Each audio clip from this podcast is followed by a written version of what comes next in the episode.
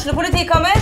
Ine Jansen er purk. Er du purk? The motherfucking bitch. Alt jeg vil, er å finne ut hva som skjedde med mannen min. Jon Carew. Er jeg sikta for noe? Iben Akeli. Det er du.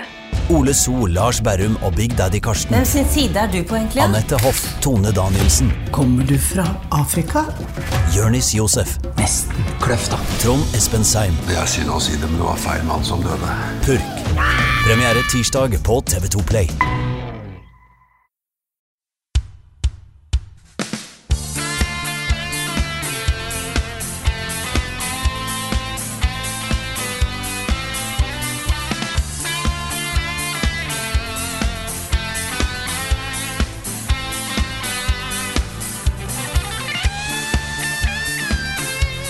Og her kommer Level Backup med en ny episode rett til dine ører, enten du er på reise mot det store landet som kalles jobb, eller slåss mot den store tingen som kalles hverdagen, eller egentlig bare ha det litt chill. Velkommen. Dette er en podkast der jeg, Frida Danmo, prøver å ha en eller annen rar intro, og nå gikk det sånn halvveis. Og i dag har jeg med meg Rune Fjell Olsen og Niklas Halvorsen. Hallo, folkens.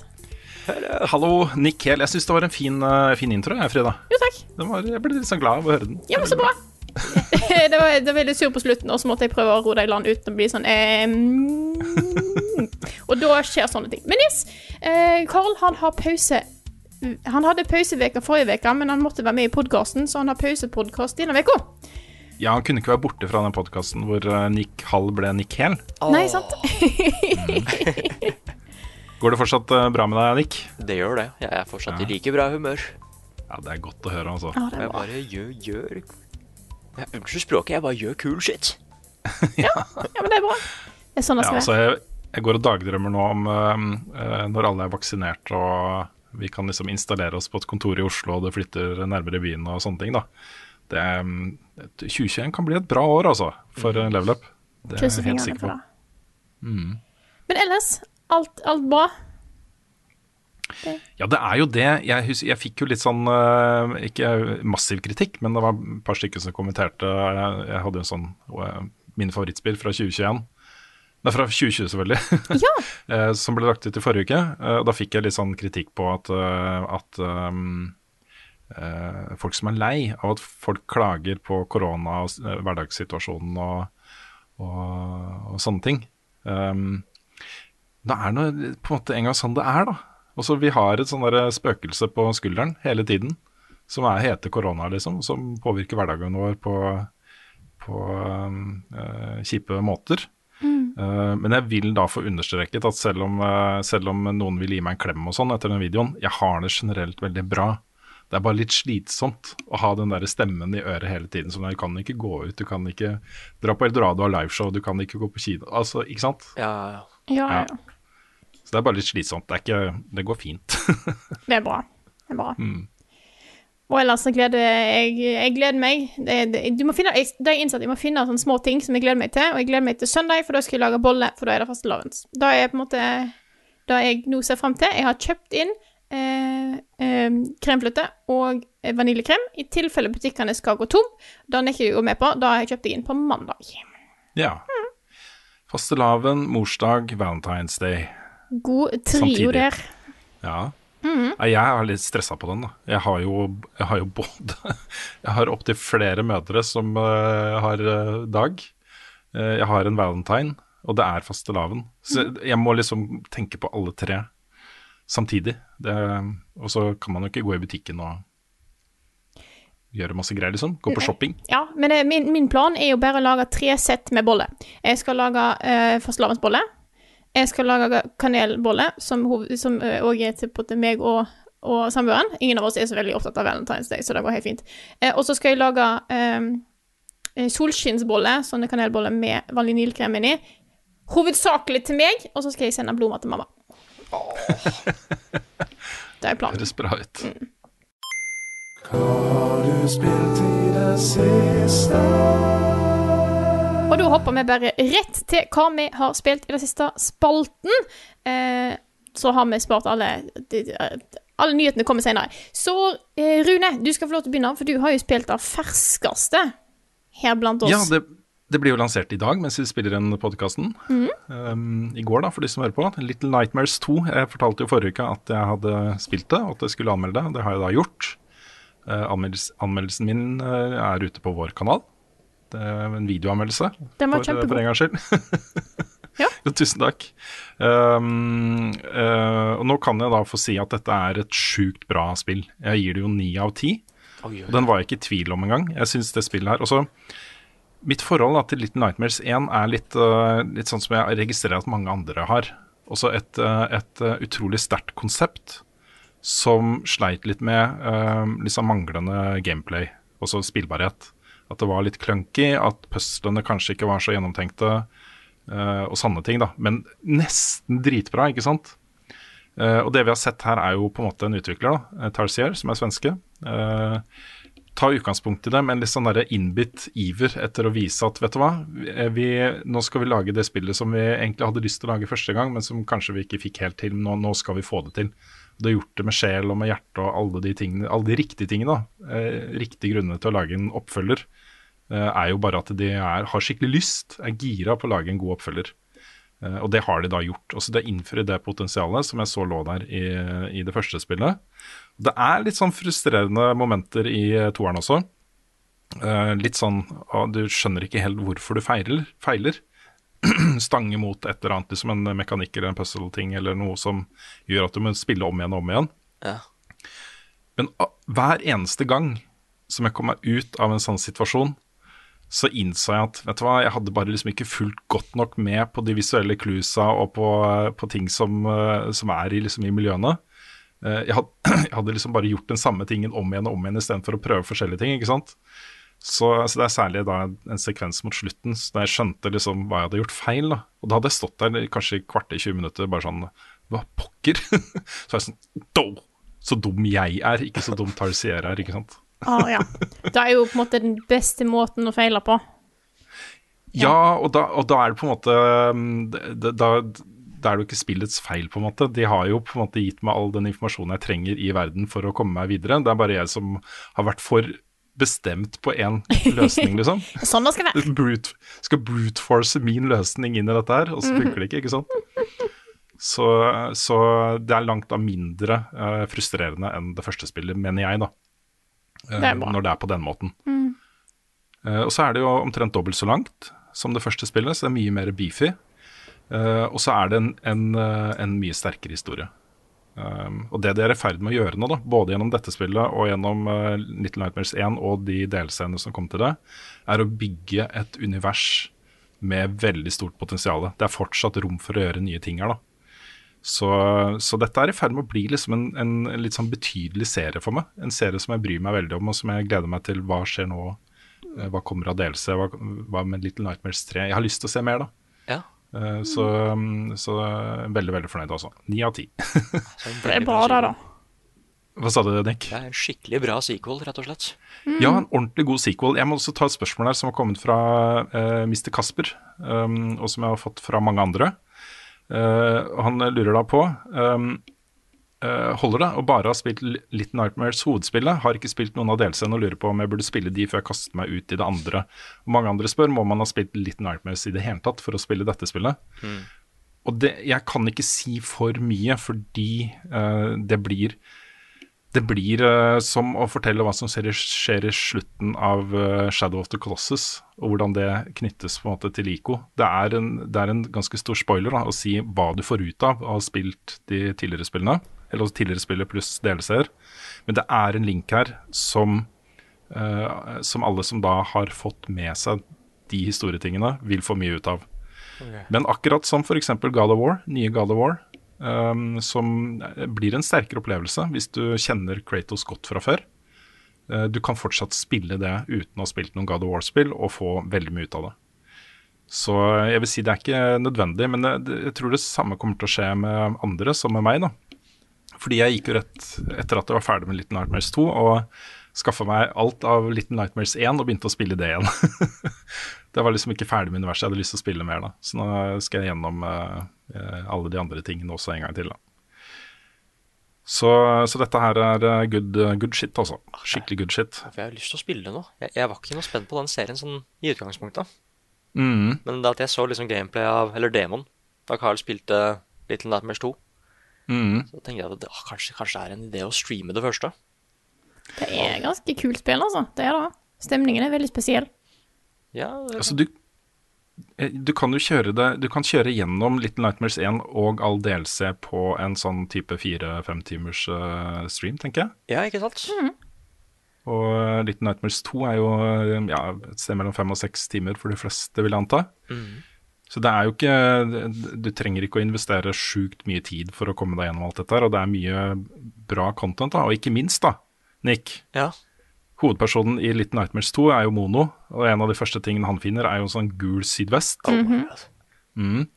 Mens da eh, hovedpersonen i det første spillet og kompanjongen, da, eh, din AI-medhjelper i eh, dette i Little Nightmares 2, Six, hun har jo både eh, Også hun har en gul regnfrakk med gul hette. Oh shit. Mm. Det er perfect character design.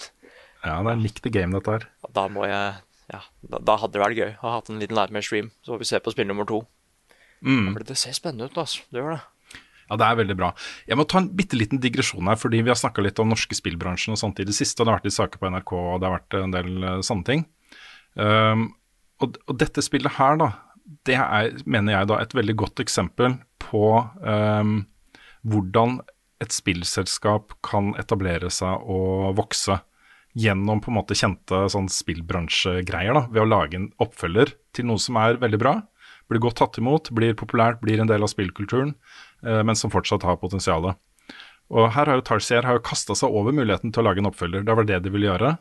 Eh, og det som skjer da med et sånt selskap, det samme med IO, Interactive i, i Danmark, med Hitman. Når man tar et konsept og foredler det og blir større, så får du liksom alle de gamle fansa bli med, du kommer i nye fans. Selskapet vokser, ferdighetene til uh, selskapet uh, vokser. Uh, og de blir flinkere og lager større ting, og det blir større, liksom. Um, parallellen til Norge da må jo bli Krillbite og Among the Sleep. Og det er, jeg syns jo det er veldig sjarmerende og litt sånn derre rørende å se et selskap si at ok, vi hadde ganske grei suksess med Among the Sleep, nå har vi lyst til å gjøre noe helt annet. Vi har ikke lyst til å bli fanga i det oppfølgerhelvetet. Vi har, lyst til å, vi har ikke lyst til å stagnere, vi har lyst til å utvikle oss videre og prøve ut nye konsept. Og Det er noe veldig veldig sjarmerende med det. Men businessbeslutningen om å ikke fortsette i den sjangeren i det hele tatt, liksom, er jo eh, ikke så god, da.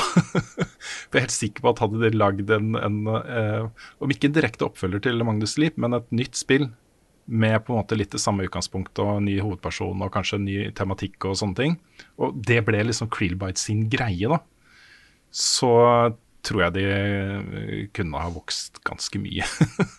Min, min lille analyse der, jeg vet ikke om det stemmer. Eh, Man må jo ha liksom hjerte, De må ha lyst da, til å, til å fortsette. Ja, ja, ja, definitivt. Men vi ser det mye i Norge. Deepad også. Aldri i verden om de skulle lage en Alboy 2. Det var ikke snakk om engang, ikke sant? så det det er sjarmerende. Og det er, det er, jeg blir litt så rørt. Jeg syns det er um, rent sånn kunstnerisk da, en uh, veldig fin ting. Men rent sånn businessmessig så, um, så er det ikke så mange selskaper uh, av de mindre indieselskapene som tenker liksom, kommersielt på de produktene de lager. Så um, jeg ville bare få det ut, liksom. Jeg syns det er en god parallell, da. Ja, Eh, jeg har spilt mye mer, jeg også, så Ja. jeg må fortsette. kjør på. Eh, jeg har jo eh, begynt på da eh, nye sesongen i Destiny 2, Season of the Chosen. Den kom på tirsdag. Og skal dere høre en god beskrivelse av hvor gira jeg er på Destiny 2 akkurat om dagen. Den, det ble lansert da tirsdag kveld, ikke sant. Det kom klokka seks på, på kvelden. Um, og etter et par timer med sånn her, uh, så satte jeg meg ned og så en uh, film, og ikke bare en hvilken som helst film isteden. Jeg så en film som heter uh, uh, Hva er den heter? det? The Gifted. Um, nå husker jeg ikke hva han heter. Det er uh, Han som spiller hovedrollen, er jo han Captain America, Chris Hva er det han heter igjen? Hemsworth? Nei, Nei, Evans, ja. eh, Chris Evans Chris Evans, ja. spiller hovedrollen. Dette handler da om eh, eh, Også søsteren til Chris Evans uh, eh, er et mattegeni. En av de største geniene i verden. Og hun blir litt sånn gal til slutt og tar uh, eh, selvmord. Og etterlater seg da det lille barnet sitt med broren hennes, da. Og det lille barnet er jo også et geni, ikke sant? Og hun er syv år gammel og et geni, ikke sant? Og så blir det sånn opprivende, veldig sånn rørende film. da, Så jeg satt da, istedenfor å sitte og grinde ut uh, power levels i Destiny 2, så satt jeg og så på en sånn derre sippefilm. på, på um, jeg, jeg, til og med jeg leide den. Jeg betalte oh. penger for å se den. What? Så det, det, var en veldig fin film, da, men det var bare akkurat det jeg trengte der og da. Det, jeg, vil ikke, jeg vil ikke gå ut og si at jeg anbefaler den til alle. Men uansett, da. Um, det er nok mye at jeg bare er litt uh, mett på Destiny 2 akkurat nå. Um, fordi uh, det er mye bra innhold her. Vil si uh, loot-poolen uh, har blitt mye, mye bedre. Uh, og det å skaffe seg nytt loot er mer givende nå, fordi du kan chase rolls på en uh, ganske sånn forutsigbar måte, da. Så, så det, det, er ikke så aller verst nå, også, men jeg kjenner at jeg bare er litt, jeg er litt mett også. Jeg har lyst på noe mer saftig fra Destiny 2 akkurat nå. Det er lov, da? Ja, jeg syns jo det, da. Jeg syns mm. jo det. Det er liksom det verste man kan gjøre når man er i en sånn funk da, som dette er det er jo bare fortsatt pløye gjennom.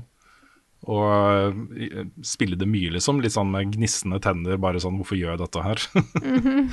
Så jeg, jeg, tror nok at mye av grunnen til at jeg ble litt mett, var også at fra november og ut så har det vært så veldig mange andre spill som jeg har liksom virkelig begravd meg i, da. Så uh, På fritiden også. Så ja. Uh, og et av de spillene er jo The Witcher 3, Wild Hunt, som jeg da endelig fikk uh, spilt skikkelig på fredag. Ja. På en fem timer lang livestream. Ja. Mm. Det er en solid bolk. Ja, ja, det var en solid bolk. Det var første sånn saftig chunken av det spillet jeg har fått, for jeg har starta på det spillet tre ganger før. Uh, kommet til den første lille byen, og så gitt det meg. Alle tre gangene. Oh. Av forskjellige grunner. Ikke fordi jeg ikke likte dem, men bare fordi eh, det dukka opp andre ting, og så det gikk litt lang tid, og så følte jeg at jeg ikke var så inne i det, og så, og så videre. Mm. Mm. Så um, uh, kan du ta her også et spørsmål fra Simen, som spør da hvordan er det å spille et såpass historiebasert og mekanikktungt spill på stream, og det er ikke så lett, altså. Det er ikke det. Det er ikke det. Nei. Jeg var liksom først uh, på time fem av den streamen hvor jeg begynte å kjenne at nå begynner jeg å komme inn i dette her. Uh, og det var da jeg var Red Baron han heter, kalles. Ja. Eh, Red, ja. ja. Uh, sånn Questline som var ganske lang og saftig og god, da, ikke minst. Godt mm. fortalt, uh, gode rollefigurer og masse bra dialog og kule, kule gameplay-elementer. da. Det var da, da kjente jeg at vet du hva, det her, det her kan jeg like. Jeg, jeg ser det her er en sånn slow burner. En sånn spill som smyger litt under huden på deg, hvor de tar seg skikkelig god tid til dialog og rollefigurer og law og sånne ting. Mm. Så eh, det er absolutt et spill jeg kommer til å vende tilbake til. Men jeg lurer litt på om jeg skal vente på den der next gen-patchen som kommer. Nå kan det hende at den kommer veldig fort, da, i og med at CD Project Red er jo hacka, og kildekode er jo til salgs nå. ja, det, er... det er jo på en måte en, en slags nyhetssak fra nyhetsspalten. Men mm. uh, en av de tingene som hackerne sier de har, er jo uh, kildekode til, uh, til next gen-versjonen av The Witcher 3. Mm. Så kanskje det bare dukker opp. Ja. som en mod eller noe. Jeg vet ikke. Vi får se hva som skjer. Mm. Og så, da, et par veldig veldig interessante spill som jeg har spilt i uka som har gått, som uh, fortjener oppmerksomhet. Uh, det ene er en demo av Narita Boy, som jeg snakka litt om uh, før, da det ble vist fram første gang. og dette er jo et sånn kjærlighetsbrev til, til på en måte internett og cyberpunk eh, romantikk fra 80-tallet. Ja, det er det, ja! Nå husker jeg hva det er. Mm. Ja. Altså, du, jeg, jeg, jeg, husker jo, jeg er såpass gammel, gammel at jeg husker uh, den derre uh, uh, følelsen av internett, og så hva det betyr. Også den derre cyberspace, reise inn i cyberspace og se det litt som en sånn alternativt univers, da. Eh, jeg husker hvordan det var. Jeg husker hvordan på en måte internett og eh, hvilken virkning det har på oss og hvilke muligheter du har der.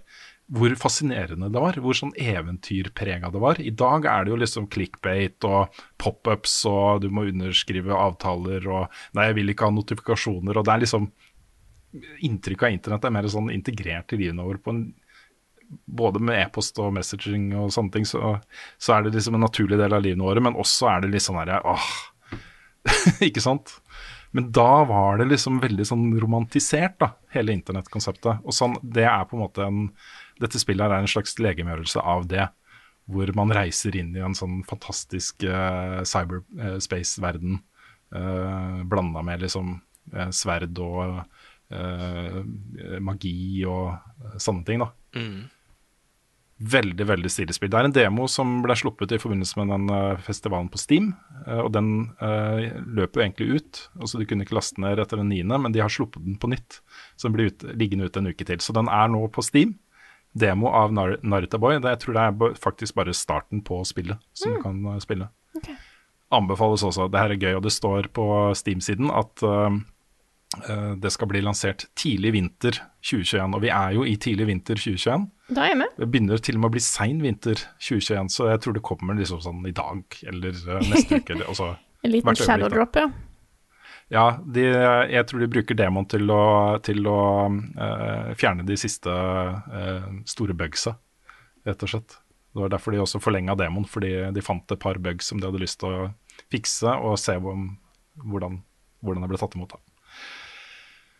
Utrolig stilig musikk, sjukt kul grafikk, veldig veldig stilig gameplay. Uh, det her er et spill som uh, er dag én for meg også, så uh, det gleder jeg meg til. Ja, det høres mm. ut. Og så da har jeg spilt et spill jeg vet du også gleder deg til, Nick, Ja. nemlig Nuts, med store bokstaver. Man må si det litt sånn Nuts, Mm. fordi det er bare store bokstaver. Det ligner jo veldig, veldig på Firewatch.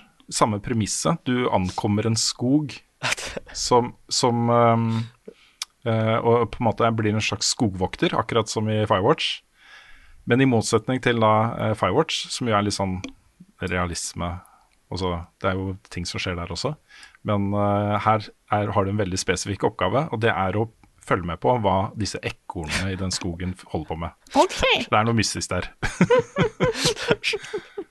og det er en skikkelig kul eh, gameplay loop, fordi eh, eh, det er delt inn i døgn da, hele tiden. Hvert eh, døgn så har du en ny oppgave. Eh, og hvis ikke du løser den, så blir det bare en ny dag. da. Så det er ikke spillet Du kan ikke feile, liksom. Du kan bare OK, nå tok det en dag lengre da, enn planlagt. Men uh, eh, loopen er at du har da en kvinnestemme på telefonen som uh, fakser deg informasjon og ringer deg og sånt. Og forteller at ja, nå må du sjekke liksom de og de ekornene. da tar du med deg kameraer. Du har, eh, I starten så får du først ett kamera og så et til, så du kan sette opp på forskjellige steder. Ja. Eh, og så plasserer du sånn cirka der hvor eh, hun dama har sagt at her kommer det til å eh, Her har vi fått rapporter om ekornaktivitet. Og så, eh, etter at du har gjort det, så går du tilbake til traileren, og så setter du på record.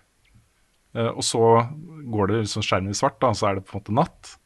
Eh, og så kan du eh, spole tilbake, eller dagen etter så kan du spole tilbake da, og så se opptaket, scenen med opptaket, eh, til du ser et ekorn. Og så ser du liksom hvilken retning løper det ekornet, og når du forsvant bak den steinen der, så må du gå dit da. Og så må du sette opp kamera der for å se veien videre, ikke sant. Og til slutt så skal du finne redet da, til det ekornet. OK. Og eh, jeg skal ikke si så mye om hva som skjer liksom seinere i spillet, for det, er, det blir ganske crazy. Men uh, man får liksom et hint om det allerede. Det er en slags prolog, da. Det første, første greiene, liksom.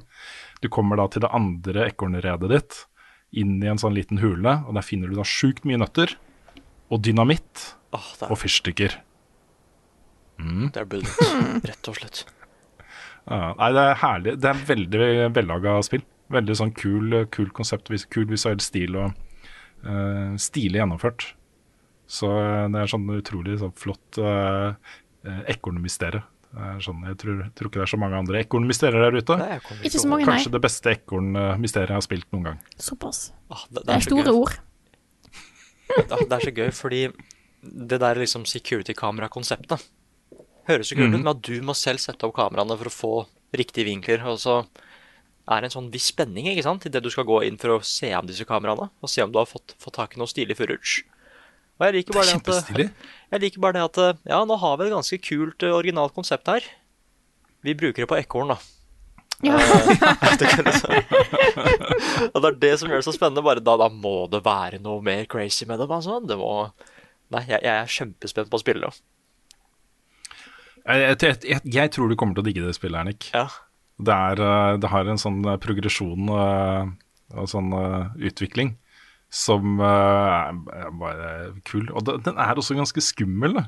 Også, det er helt riktig det du sier, den der mekanikken med å sitte og se på overvåkings, altså video av uh, overvåkingskameraer.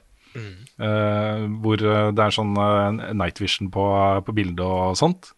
Og det er ingenting, ingenting, ingenting, og det er litt så spennende, ikke sant. Og så «Åh, Der er det et ekorn!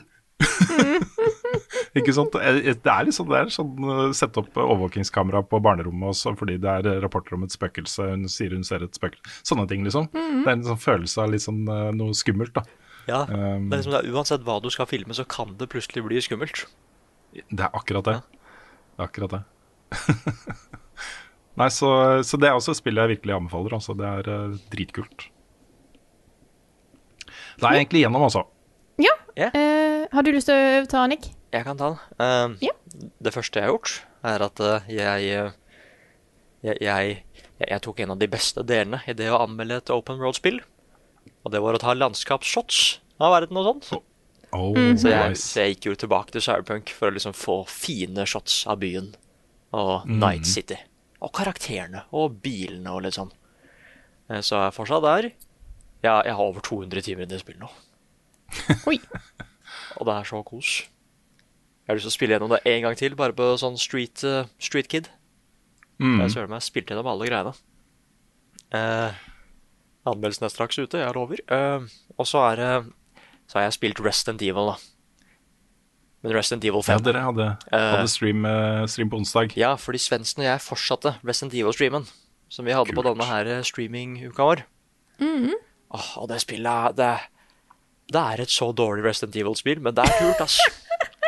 Det er sånn eh, Resident Evil 4 Jeg liker det veldig godt òg, fordi det er liksom Det er i tredje person Det er en sånn, et nytt format, ikke sant? Det er i tredje person, og det fortsatt er litt skummelt. Selv om det ikke er 100% zombier, men det er zombier. Det er close enough, liksom. Men så liker jeg bare at den første timen av Resident Evil 5 er mer crazy enn det serien noen gang har vært. eh, fordi du møter bare liksom Først så er det zo- zombier. Er Ikke noe overraskende der. Men så er det motorsykkelzombies. Mm -hmm. Det er motorsagzombies. Det er truck-zombies møtte vi på sist gang. Det er sånne svære flaggermuser som også er larver. Det er ganske Ja, fett. det var ja. Det er battleship-zombies. Det er sånne colossal super-mega-zombies. Egentlig ganske mange forskjellige typer zombies. Det var en som ble til en ball. Ja, det kan sikkert også ha vært. Det er ja. dette, dette viruset gjør utrolige ting, da. I guess. Uh, Ja. vi, fant, vi fant en, en, en lost civilization mens vi gikk jo Tenk å si det Resident Evil. Vi, vi bare fant en lost civilization da, mens vi bekjempa zombier og sånn. Ja, selvfølgelig. Uh, as, as you do, så klart. Masse gull. Masse gull, fant en grenade launcher. Men så er det bare Capcom er så flinke på å lage kule cutscenes. Uh, fordi det er jo Det er jo blitt anime i Resident Evil 5. Fordi Wesker har jo superkrefter. Og han er dratt ut av The Matrix. Han er så rask at han kan liksom dodge kuler og sånn. Og igjen, det er, det er så teit, men fy fader, det er kult, ass. Det, det, det passer ikke inn i Resident Evil. Men det er jo så gøy. Det er et prima co-op-spill. Det er bygd opp så smart òg, med at plutselig så blir vi liksom splitta om å gjøre hver vår ting. Og så er jo så klart verden bygd opp til at det må være to folk for å løse puzzles som er der. Altså, handler vi bare så veldig mange morsomme situasjoner. Igjen fordi action-elementet der er så tullete. Dere levde dere jo òg veldig inn i det, eh, som gjorde at det ble ekstremt underholdende, i hvert fall nå på onsdag. Det var, ganske, det var noen scener der som var ganske intense. Ja, det var, det var en Indiana Jones-scene hvor vi måtte løpe fra en svær boulder, så å si. Og da måtte vi bare button bash og hoppe, og det var quicktime events, og det var uh... Det var the quickest quick time events. Ja, det gikk faktisk dritfort. Um, nei, så, så igjen, ikke det beste Resident Evil-spillet, men hvis du ikke har spilt co-op, liksom Og du trenger egentlig ikke å ha noe kunnskap til serien heller, den er bare Hvor mindre kontekst du har, hvor bedre er det, sånn egentlig. Fordi jeg driver fortsatt og tenker at den serien her pleide jo å være ganske skummel. Mm. Det er litt rart at det er motorsykkelzombies i det samme universet som Resident Evil 6, da. Mm. Som var gri Nei, eh, 7, mener jeg, som var griseskummelt. eh, og nå er det vampyrer her òg, så det skjer jo ganske mye rart. Ja. Spørsmålet, Nick, har du spilt Gears of War-spillene? Bare det første. Ok. Det hadde vært litt kult med en co-op av et av de spillene der, altså. Ja, fordi er det 100% co-op, de- liksom? Ja, de er skreddersydd for co-op fra, fra bunnen av. Oh. Det er jo ofte sånn at uh, du kommer til områder der hvor én må ta én path, mens en annen må ta en annen path, og så møtes man seinere, da, så driver man og støtter hverandre fra hver sin del av kartet, liksom. Ja, det er kult. Ja, det er ganske stilig. Så det er på en måte bygd opp som det, med, med også da hver sin rollefigur, ikke sant. Sånn som i Halo-spillene, som også er uh, co-op uh, alle sammen, så er jo bare begge Master Chief. Men her er du på en måte, du er hver din rollefigur, og du kan uh, samarbeide som det, da. Å ja, det er en som styrer dam, sikkert? Ja. Ja, ok. Så, så det, er, det, er veldig, det, er, en av de tingene det spillet gjorde virkelig, virkelig bra, Også, jeg, visste, den serien. jeg visste ikke at det hadde co-op. Ja, det har det. Vi tester det en dag. Ja, for det, hadde, det tror jeg det hadde vært kult. kult. Mm. Nei, men utenom det så har jeg ikke vært så mange andre steder i spillandskapet. Altså bare i Afrika og Night City. Det går fint, da. Yeah. Jeg eh, har jo òg eh, jeg, jeg tror Jeg tror det var i helga, så dette er etter forrige podkast. Jeg har tatt Gann. Jeg kan, hey, jeg kan nå si at jeg nok en gang er ferdig med Breath of the Wild, og nå har jeg på en måte lagt det litt fra meg. Nå, eh, det, var, det var veldig fint å surre rundt i Hyrule Castle en god stund, og så ta igjen. Eh, se de siste cutscene- cutscenes og felle litt tårer av det. Eh, og så på en måte nå Nå har jeg den samme følelsen jeg fikk da jeg var ferdig med det sist. Nå, nå kan jeg legge det fra meg. Ja. Nå, har, jeg- nå kan jeg gi litt slipp på det. Det, har, eh, det, det er litt interessant med sånne spill som virkelig bare sånn De virkelig tar oppmerksomheten din. Men det, det litt, så av og til er det litt fint å bare Å, OK, nå er jeg ferdig. Så nå er jeg Det føles litt godt å slippe, slippe det, altså. Ja, det gjør det. Så nå har jeg eh, driver og styrer med den topplista mi, håper å få den klar om ikke altfor, altfor lenge. Og så driver vi òg og driver og gjør klar til jubileumsstreamen på mandag, da. Ja da, det er sant, det. Så eh, det er jo en ting som skjer, så jeg, jeg tenker vi snakker litt mer om det på, mot slutten av podkasten. Men uh, i tilfelle noen ikke blir med helt til slutten, mandag 15. februar klokka seks på kvelden på Twitch. Yes. Eh, men det kommer litt mer info mot slutten, tenker jeg. Men ellers så har jeg forhånd i Ringfit. Og Ja. så det, det har liksom Det begynner å bli en litt fast ting nå. Og da er jo det er bra for meg. Ringfit. Eh, og jeg driver jo låser opp nye øvelser. Og det nyeste jeg har låst opp nå, jeg låste den opp forrige gang jeg spilte, da er planken. Å ja. Og den er hard fra før av, og han var hard nå òg. Det var skikkelig vondt, det var tungt, det var fælt. Eh, etterpå jeg hadde gjort den, så måtte jeg bare ligge på teppet litt. Grann, eh, og katten kom bort, sannsynligvis for å sjekke om det gikk bra med meg, tror jeg. Det, men det er jo, jeg har jo godt av det, for det er jo god trening for rygg og mage. Så den skal fortsatt være i den rotasjonen av, av treningsting jeg gjør. Men jeg må si at da spillet begynner på en måte Det blir mer og mer et spill. Nå er det en katt som prøver å komme seg inn døra igjen. Um, det blir mer og mer et spill. Nå er det eh, mer fokus på at okay, du har ulike angrep som er ulike farger, som du kan bruke på ulike typer monster for å gi mer damage. Uh, og så har du ulike angrep gir jo ulik mengde skade. Så det er på en måte både en prioritering hva angrep skal jeg bruke, eller øvelser da skal jeg bruke for å gi mest uh, skade på fiendene, og hva jeg skal gjøre fordi at da er lurt av meg å trene den biten av kroppen min. Så det er, det er en eh, det er en, det er en challenge. Eh, Men eh, jeg, jeg koser meg. Jeg storkoser meg. Det, har, det er mye mer gøy enn jeg skulle faktisk hadde trodd. Så for alle dere andre som sitter inne og kanskje tenker hm, kanskje jeg skulle bevege meg litt mer, så viderefører jeg Carl sin anbefaling om å teste ut Ringfit, altså. Så det, det, er mitt, det er mitt ekstra tips, ekstra anbefaling i dag. For det ser jo gøy ut, da. Denne er jo kjempebra. Ukens anbefaling. Åh, det blir en liten TV-serieanbefaling fra Rune Fjell Olsen i dag, ja? Ja, det gjør jo det. Jeg hadde jo trodd liksom tenkt at kanskje jeg kom til å sitte nå på kvelden og bare grinde ut power levels i Destiny 2 Season of the Chosen, men eh, det blir litt eh, Jeg gjør, det litt, da, men det blir eh, litt tid til andre ting også. Så en av de seriene jeg har endelig fått begynt på, som jeg har fått anbefalt av veldig mange, det er eh, TV-serien Your Honor på eh, HBO. Og dette er jo en eh, TV-serie med Bryan Cranston, kjent fra bl.a. Breaking Bad, i hovedrollen. Han spiller en dommer. Um, og Det er også en serie da som er basert Det er rart det der altså, det er så mange av de gode seriene vi ser som er basert på israelske TV-serier. Det må være veldig veldig sterkt sånn TV-miljø i Israel. Oi, kult. For dette er også basert på en israelsk serie som heter Kvodo. Um, mm, konseptet her er da at uh, uh, Bryan Cranston har en sønn som uh, ved et uhell kjører på og dreper en, en ung gutt på motorsykkel. Og eh, jeg kan ta litt av hva som skjer i første episode, fordi det er liksom pre premisset i serien er liksom ganske godt kjent fra før. Eh, men han er, er, jo da fullt forberedt på å rapportere inn sønnen sin, og at de går og melder seg og tar straffen og alle disse tingene. Og så viser det seg da at uh, han 17-åringen som sønnen hans har kjørt på, er sønnen til den verste, mest ondskapsfulle uh, kriminelle gjenglederen i byen. Uff da. Så da må en endre litt planene, da. Men det er en veldig sånn spennende, spennende historie. Godt fortalt uh, og godt premiss. Og så er det hele tiden den derre uh, uh, Også Han gjør alt da for at ikke sønnen hans skal bli avslørt. Og på en måte fjerne bevis og, og sånne ting. Men ah. politiet er liksom hele tiden også de på jakt, ikke sant? og de etterforsker det, og det begynner å nærme seg, og det er sånn spenning hele tiden. og så har det den derre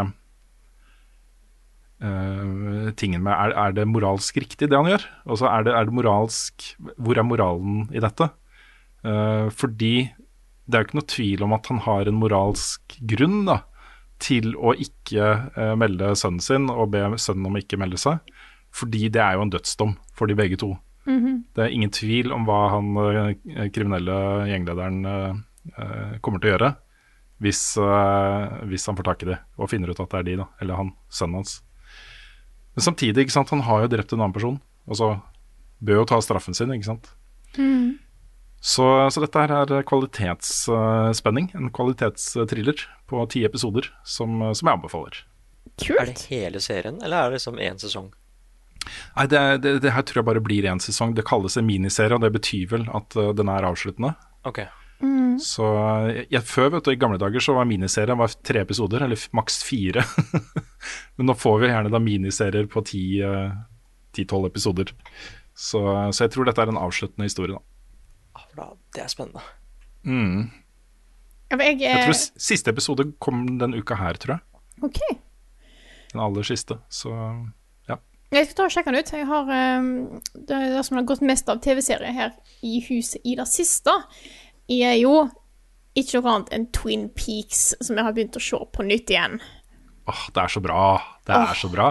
ja, og vi, vi, så jo um, Vi så jo hele, hele ruklet uh, da nye sesongen kom for noen år siden.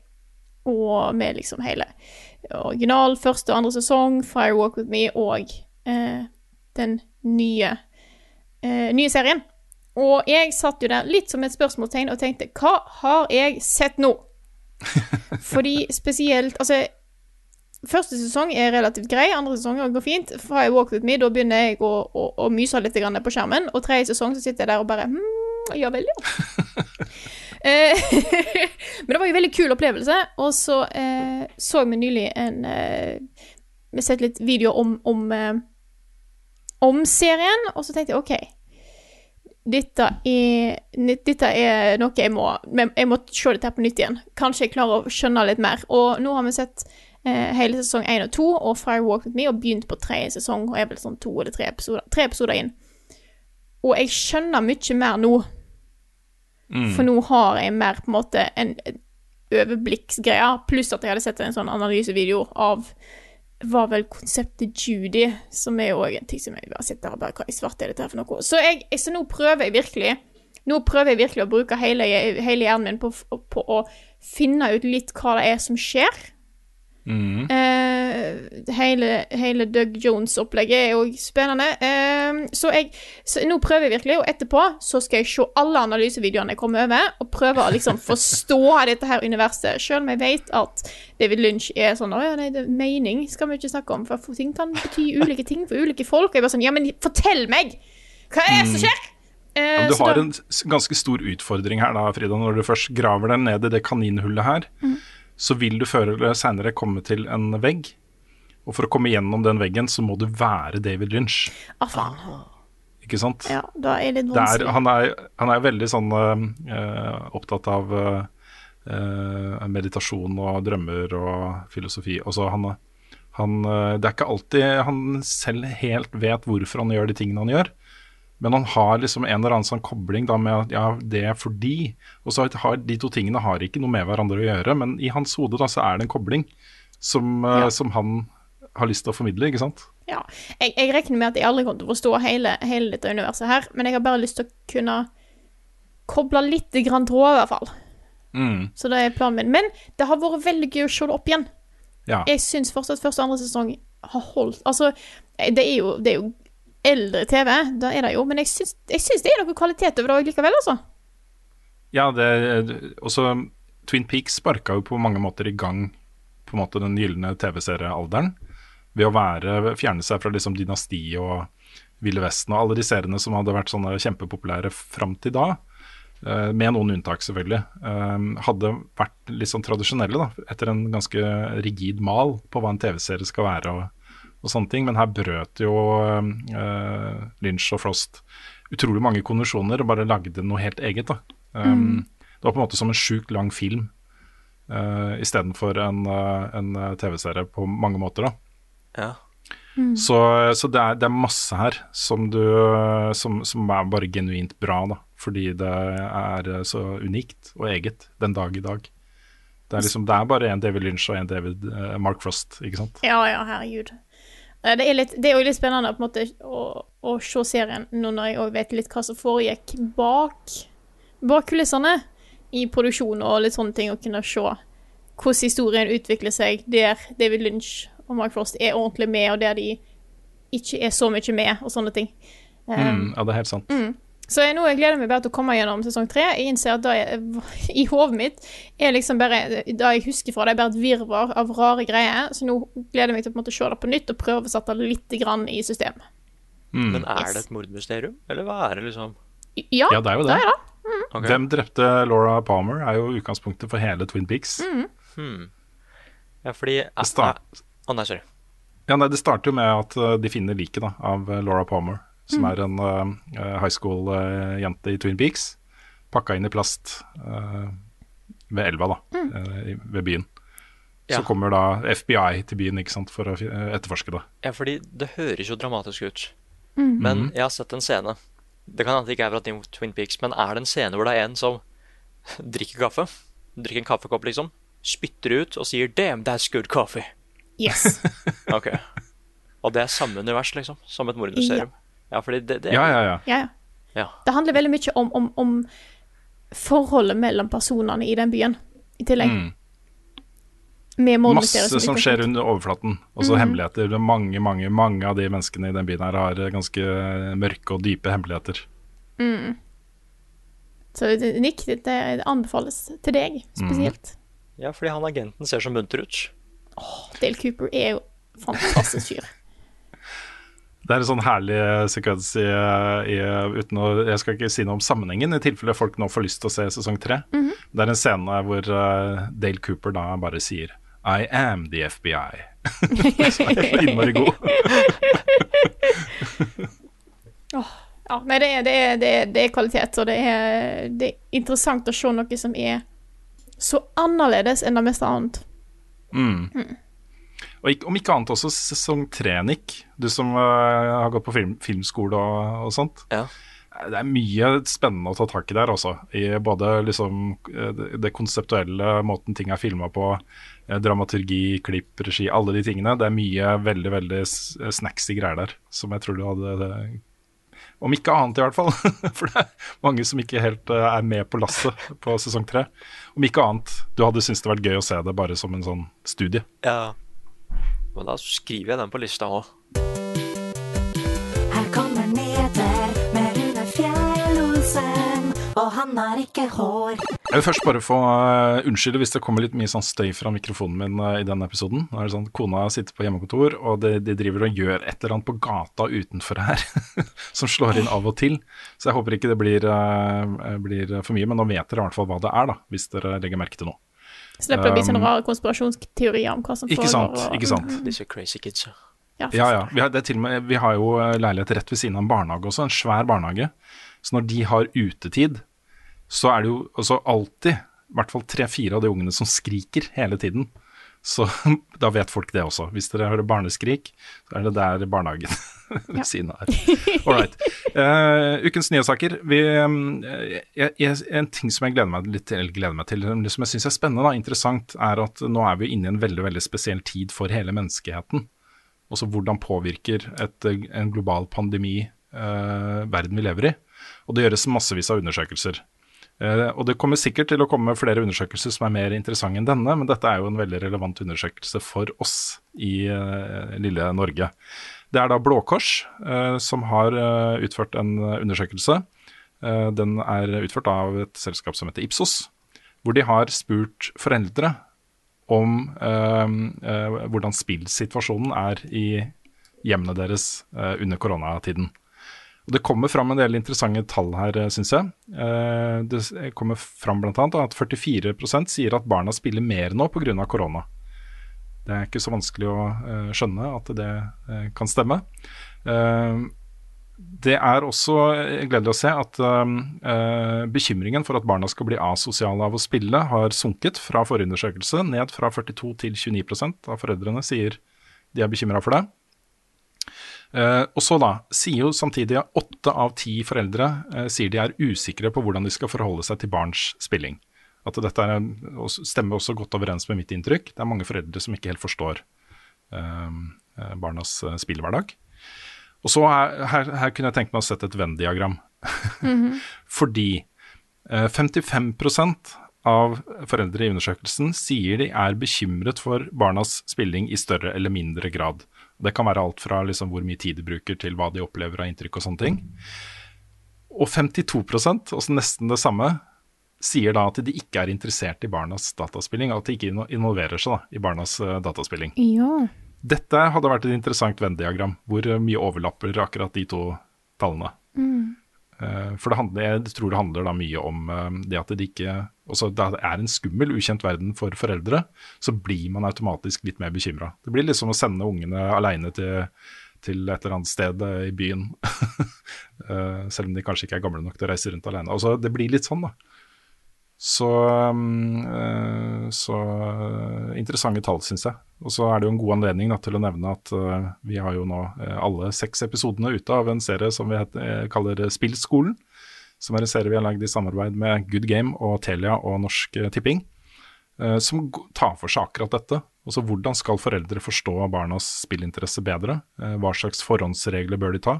Hva skal de gjøre for å um, for å sørge for at barna får en så trygg hverdag som mulig når de spiller over nett, og sånne ting.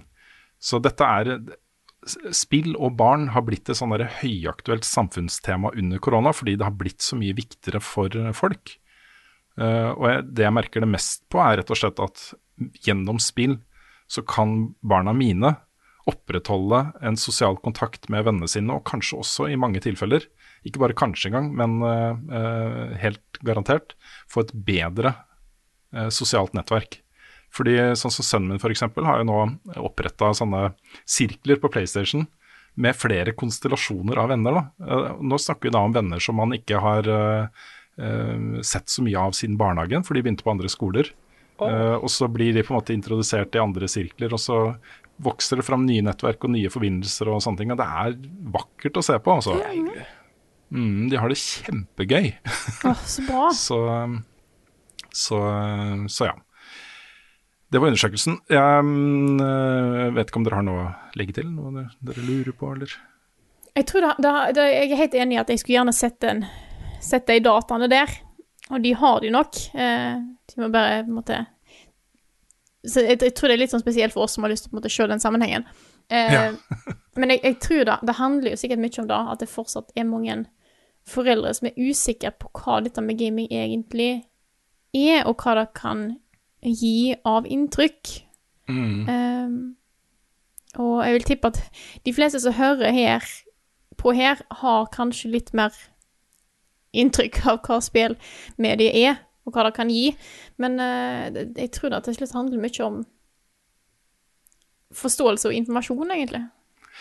Ja, altså den, for jeg har jo også en sånn frykt, eller eh, at jeg er litt stressa på hvor eh, opptatt eh, eh, ungene mine er av spill. Um, det er masse ting der som, som jeg ikke har noe fasit eh, svar på. Det går på sånne ting som hvor mye skal de få lov til å spille, og eh, hva gjør man når det oppstår konflikter i spill, og sånne ting. Men, men den frykten dempes jo ganske mye da, av at man har vært med fra starten av og satt opp disse kontoene de bruker, sørge for at ikke de kan få meldinger fra ukjente, har klare avtaler om at de ikke får lov til å eh, delta i chat med folk de ikke kjenner, osv. osv. Det er masse sånne ting da, som gjør at man kan slappe litt mer av. Men jeg, jeg skjønner at det er vanskelig. Jeg, jeg, Det er kjempevanskelig. Når jeg tenker på det, og hvordan det er for unge å vokse opp nå, både med, altså med en så en sånn tilgang til sosiale medier og internett. Altså, nå har jo jeg vokst opp med internett, Mm. eh, men, men ting føles litt annerledes nå, altså. Med, med TikTok og Snapchat og alt det der. Ja, det er veldig annerledes. Så da, da tenker jeg på når jeg blir uh, forelder, så tenker jeg hvordan hvordan håndterer en sånne ting. Så ja. Ja, det er viktig å være, være på ballen her, rett og slett. Følge litt med og ta litt aktiv del i, i dette her. Men ok, vi går videre til neste nye sak. Uh, og det er jo at uh, hovedrollene i TV-serien basert på The Last of Us er nå kjent. Og det er, blir da Pedro Pascal, kjent fra uh, Game of Thrones og Mandalorian. Han er jo The Mandalorian, som blir Joel. Og så er det Bella Ramsey, som da også var med i Game of Thrones. Det er Liana Mormont. Eh, Hun har også en mindre rolle i His Dark Materials. Hun blir Ellie. Hva syns dere om eh, castinga, folkens? det blir spennende å se, da. Ja, jeg, jeg må se Pedro med, med skjegg, liksom. Men jeg, jeg, tror, jeg tror det funker. Jeg tror det funker. Han er jo en glimrende actor, altså, liksom. Ja, han er det. Ja, jeg tror han Jeg tror han kan få til en bra Joel. Men hun Ramsey er jeg litt usikker på. Det er, Ja, altså, det, det da det ble liksom- spekulert Sorry, Freda. Ja, bare ta det. beklager. Jeg har, eh, Discorden min eh, er litt rar i dag. Jeg hadde visst eh, 130 timer delay i stad. spennende. Ja. Eh, nei, ehm, jeg, jeg syns alltid det er så vanskelig å se for seg sånne For eh, hvis du er god actor, så klarer du å komme deg inn i ting. Og jeg vet at for eksempel det var veldig mange som var skeptisk til eh, Til han som skulle spille Å, nå står det helt stilt! Han som spilte The Joker i i I Nolan-filmene. filmen eller i Hva tenker du på? Tenker Ja. du på Heath, Le- Heath Ledger? Ja. Mm. Folk var jo skeptiske til han òg, han gjorde jo en knalljobb. Mm. Så eh, Ja, folk var skeptiske til, eh, til uh, han i, i um, Suicide Squad også. Hva er det han heter igjen? Jared Leto Ja, Jared, Ja, Jared Leto. Det, Ja. det var jo mer rette, da. Ja, så det var derfor Det var ikke han jeg tenkte på. Det var, eh, så det, det var bare Leto jeg kom på, nemlig. Eh, navnet på. Men eh, Så jeg, jeg har lyst til å Jeg har et åpent sinn, og jeg er spent på å se hvordan det går. Mm. Ja. Da dette ble kjent, da, at de skulle lage den TV-serien, så begynte jo folk å komme med forslag og spekulere hvem bør være og sånt. Jeg la merke til at de aller fleste liksom prøvde å finne skuespillere som ligner mest mulig på Joel og Ellie i spillene. Uh, og det er, det er ikke så viktig for meg.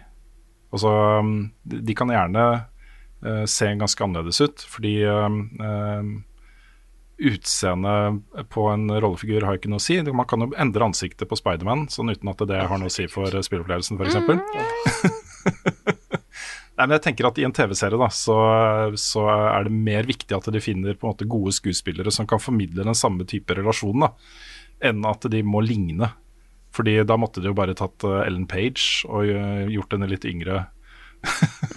på en måte, Fordi hun ligner jo veldig på Ellen Page. Uh, Ellie. Ja, ja, Um, jeg er så åpen det der. For jeg føler at hvis du får en god actor som også ligner, så er det en jackpot.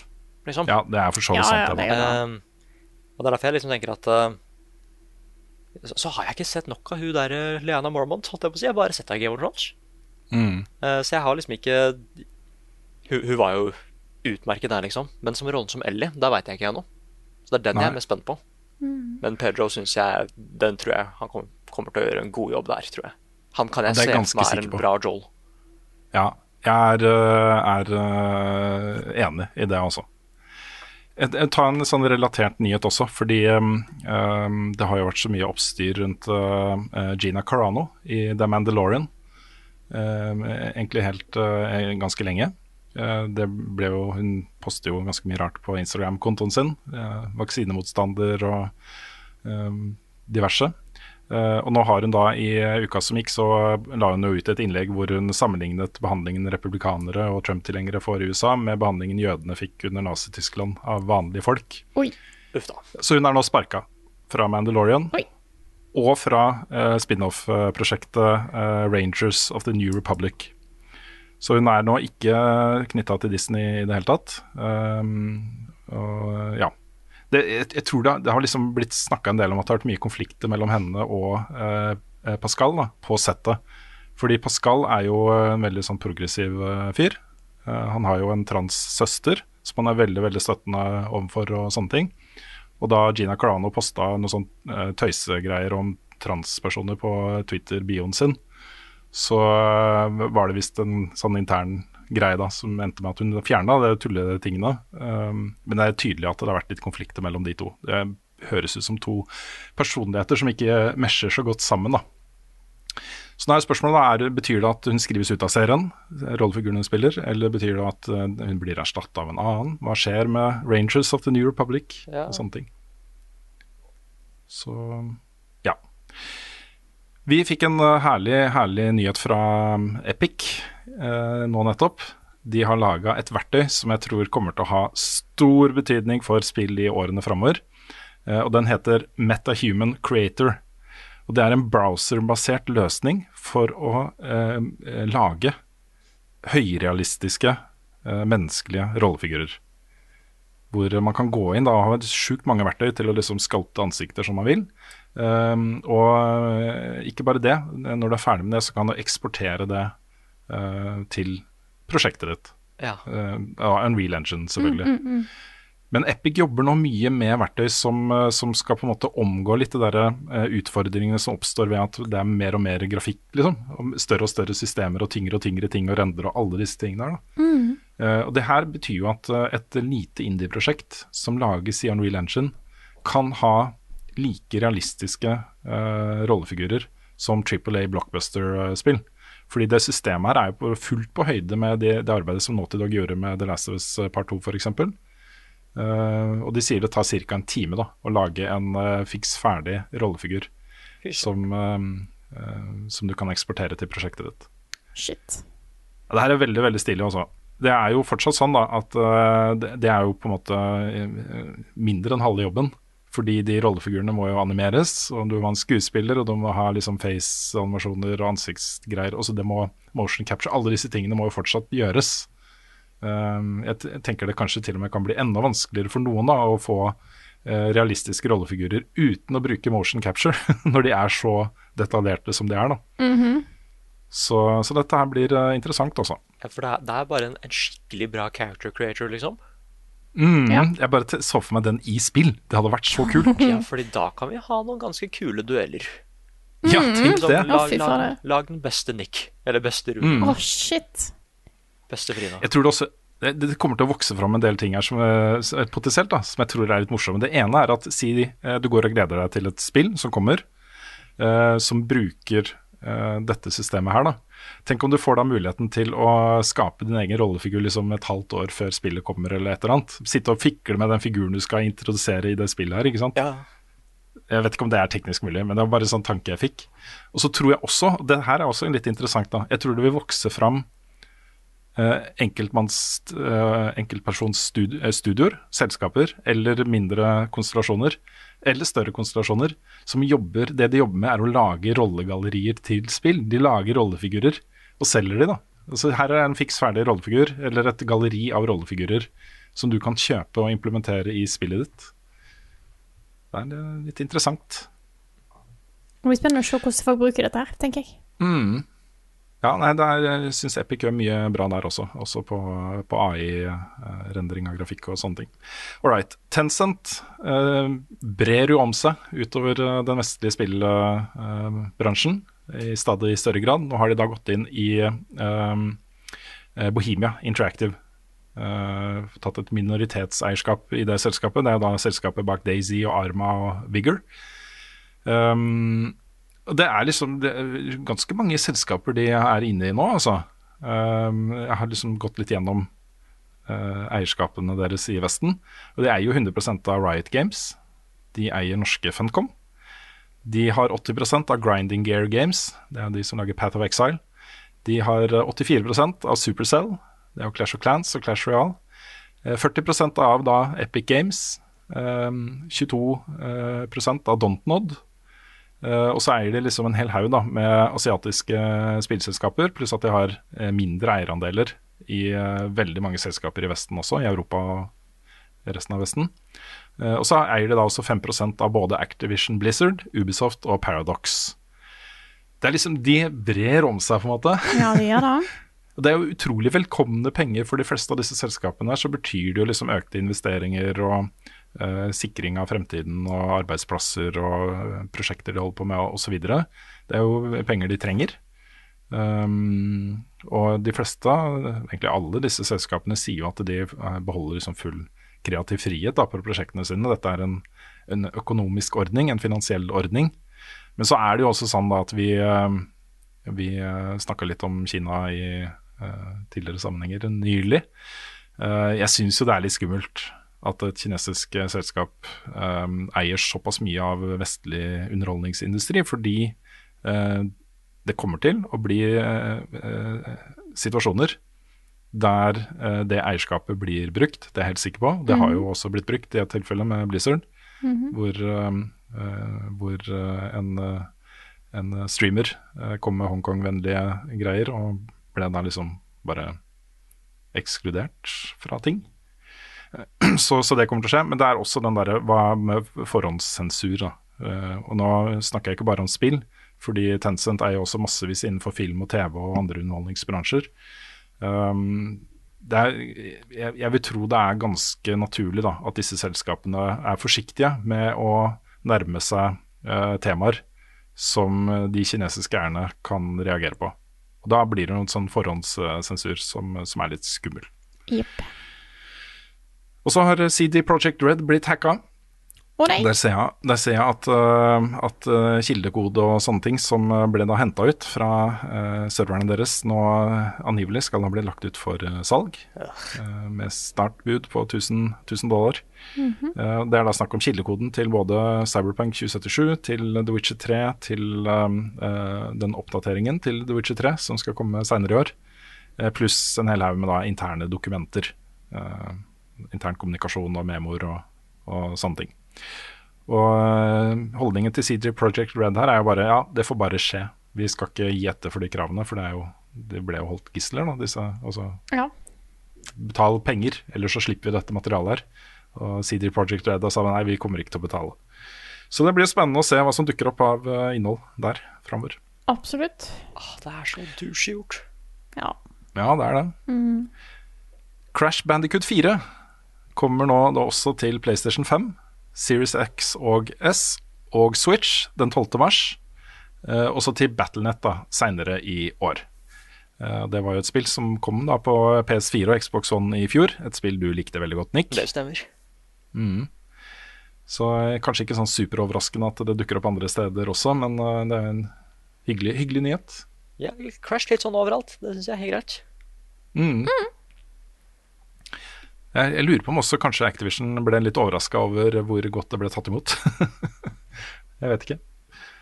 Uh, Minecraft Dungeons har runda ti millioner. Jeg tok det med, for det, det syns jeg er en litt, litt interessant sak. Den, uh, da det ble lansert, så uh, av liksom sånne som oss, meg, ansett som ja, et bra eh, co-op dungeon-spill, særlig eh, for yngre spillere, og kanskje da sammen med foreldre, også veldig, veldig bra. Eh, men kanskje ikke, det har ikke samme impacten som Minecraft og sånne ting. Og nå er jo 10 millioner ganske langt unna eh, salgstallene til Minecraft, ja. men det er fortsatt et høyt tall. Eh, Absolutt. og der har de vært veldig flinke til å komme med nye delser, og nå kommer da altså Nether-delse. um, hele tiden. Så det er et spill som har utvikla seg i den retninga som jeg så det kunne gjøre, da, hvis de ville. Så eh, det har blitt en stor og fin ting for mange, tror jeg, dette her også. Ja, men det er bra. Jeg syns jo eh, egentlig Minecraft Dungeons var egentlig ganske gøy. Så da å bare fortsette å gi innhold til det, er jo, er jo i rett retning. Det er det, og jeg tror kommer du inn der nå med alle de delelsene som har kommet og sånne ting, så er det en ganske stor og saftig pakke dette her. Så hvis du fortsatt ikke har testa det, særlig hvis du har sånn, Kobla det til den undersøkelsen med koronafrykt og barn og spilling og sånne ting. Dette er et dritkult spill å spille sammen med, sammen med barna dine. For der kan du sitte og spille couch co-op på samme skjerm, og det er liksom terskelen for å gjøre ting sammen er ganske lav, da. Så det anbefales. Uh, GTA 5 har runda 140 millioner solgte spill. liksom 140 millioner, altså. Ja, det, er, det er helt vilt. Det er helt spinnvilt. Uh, og så en uh, siste nyhetssak, en oppfølger til uh, forrige uke. Det har kommet en hotfix til Destruction Allstars som skrur av voicechat som default. Nice. Så ja, det, der reagerte de mye kjappere enn jeg trodde de skulle gjøre. da. Um, og det er, de sier jo at de skal jobbe nå med å implementere det systemet på en bedre måte. Så det vil jo da komme en er Sikkert bare en sånn toggle. At du kan skru av og på den chatten, og at du til og med kan mute enkeltspillere uh, i chatten.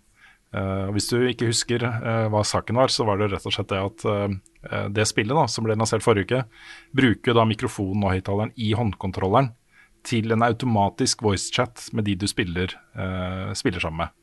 Så det, du fikk jo da en, liksom hele verden inn i stua di, uansett om du ville eller ikke. Og du måtte gå inn i innstillingen til selve konsollen for å skru det helt av. da. Og det måtte du gjøre for hver match. Å, fy fader. ja. Så, så det er fiksa. Ehm, til glede for mange, til uh, forargelse for andre som syns det var litt gøy da, å sitte og eh, eh, konkurrere om og disse mødrene til hverandre eh, med 12-13-åringer fra hele verden. Hva er det mest, hvordan fridag sist har Carl egentlig såp? Ukens spørsmål. Og vi setter i gang spørsmål- og svarspalten med et spørsmål fra Anders Berge. Han skriver Ser kommentar fra Erik Fossum hos Pressfire som omhandler spillprisen. Der peker han på at det er problematisk at gamer.no ikke er representert i årets jury. Jeg er sjøl enig i at mangfold er en god ting, og at en heller burde utvide juryen i denne sammenheng. Gamer.no er tross alt en viktig stemme i dagens Spill-Norge. Hva er deres tanker rundt dette? Og her er det jo eh, spillprisen som har eh, valgt å ta inn eh, spillbart.no som jurymedlem, eh, og tatt ut gamer.no istedenfor å legge til et jurymedlem, hvis jeg har fått med meg saken rett. Ja, det er, det er vel riktig, riktig omtalt. Mm. Det de sier selv, da, eh, spillprisen, er jo at de ønsker en rulleringsordning. Hvor eh, de ønsker å beholde liksom en mindre jury, ikke ha altfor mange, og så bytte ut eh, at det rulleres litt. Jeg eh, er jo enig i at det er rart gamer ikke er med i den juryen. Jeg tenker liksom at eh, eh, kanskje rent personlig tenker jeg de burde jo være fast med i juryen. Det burde vi også. Eh, det burde uh, Pressfire. Ja. Eh, og Game Reactor. Også det, det er naturlig da, at eh, de store eh, større eller, store eller mellomstore eh, norske spillsatsingene eh, blir inkludert der. Men det er samtidig Altså, jeg er jo ikke med å arrangere spillprisen. Det er jo ikke min pris. Jeg, eh, de gangene jeg takker ja til å være med sånne juryer, er jo fordi man har liksom full frihet til å kåre de vinnerne man selv mener fortjener det mest. At det er helt uten påvirkning fra arrangørene og sånne ting. Og det er, det er disse tre prisene det er snakk om her. Eh, presseprisene er det. Det er ikke noe Man eh, blir ikke påvirka på noe som helst måte da, til å mene noe spesielt. Så det er en veldig fin måte å gjøre det på. Hvor du har eh, det er delt opp da i fagpriser, som spillbransjen selv håndterer. Og det er sånn typisk sånne ting som beste visuelle stil og beste lydbilde og sånne ting. da, Beste teknologi. Og så har du fagjury, presseprisene, som er årets spill, eh, årets eh, spill på liten skjerm og beste moro for alle. Det er modellert etter eh, Nordic Game Awards, dette her. Er samme prisstrukturen, da. Eh, og det er veldig lett å si ja da, til å være med i en jury hvor man skal egentlig bare ta tempen på norske, norske spill. Norske spill fra året som har gått, uh, og si sin mening om det. Det er en fin, uh, fin ting å si ja til. Men det er Jeg Erik Fossum har, uh, snakker ofte med en veldig sånn skarp penn i de kommentarene sine. Og jeg, jeg tenker at kanskje i dette tilfellet uh, kunne kanskje Jeg vet ikke om jeg vet ikke om det å på en måte gjøre massiv kritikk av spillprisen er, er den riktige tingen å gjøre. Fordi det er spillprisen som arrangerer det. Og hvis de ønsker en mindre jury med fire personer, så må de på en måte selv velge da, hvordan de har tenkt å løse det. Prisen i seg selv blir ikke noe dårligere, føler jeg, ved at én aktør blir bytta ut med en annen, så lenge liksom dette er snakk om uavhengige medier, og de får uh, samme innvirkningen på prisen som, uh, som de de erstatter. Så jeg blir ikke opprørt av det på samme måte som Erik, det gjør jeg ikke. Uh, samtidig så mener jeg jo det er naturlig at gamer burde være med. Så um, jeg vet ikke. Jeg er liksom det, Ja, begge deler er på en måte like riktig, da. Det har sikkert Eh. vært en diskusjon innad hos uh, spillprisen. Eh, men gamer er jo store, men spørsmålet er på en måte Hadde det vært rettferdig om en hadde tatt ut noen av de andre heller, sant? Det er jo ikke nødvendigvis det.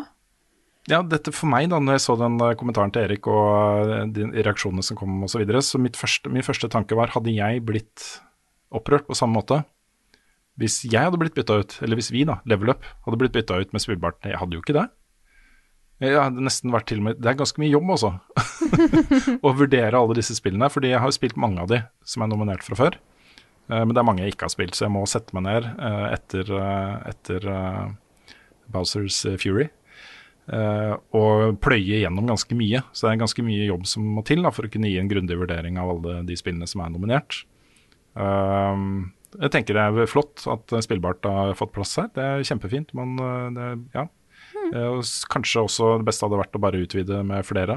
Um, men, eh, men eh, ja, du ser det samme på Nordic Game Awards, hvor det er liksom en representant for hvert land, og det er formatet.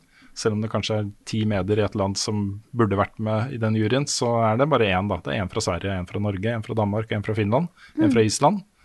Um, og det er formatet, liksom. Så Ja. Ja. Det er vanskelig helt sikkert for de å finne på den. Det er ikke sikkert. Tror- ja. ja. Jeg, tror ikke det, det ligger ikke noe ondarta bak dette her i det hele tatt. Nei. Og det at det er gamer, tror jeg er helt random. Jeg tror det er tilfeldig. Jeg tror ikke det er, det er ikke, De har ikke fjerna gamer fordi gamer er gamer. De har tatt bort en aktør fordi de har lyst på det antallet, da.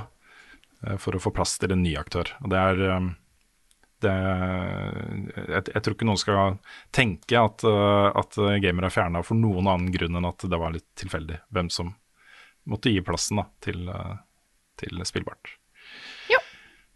Så eh, jeg syns ikke det påvirker prisen eh, og eh, statusen det har og, og formatet at man bytter ut én med en annen. Det er på en måte, det syns jeg er det viktigste. Dette er en pris for spillbransjen i Norge. Og de må, de må, jeg syns de må få lov til å, til å legge noen føringer der. De trenger ikke å begrunne det heller, så lenge det ikke påvirker vurderingsevnene til, til juryen. Helt sant. Mm. OK, skal vi ta et spørsmål til? Ja. Har du et på lager?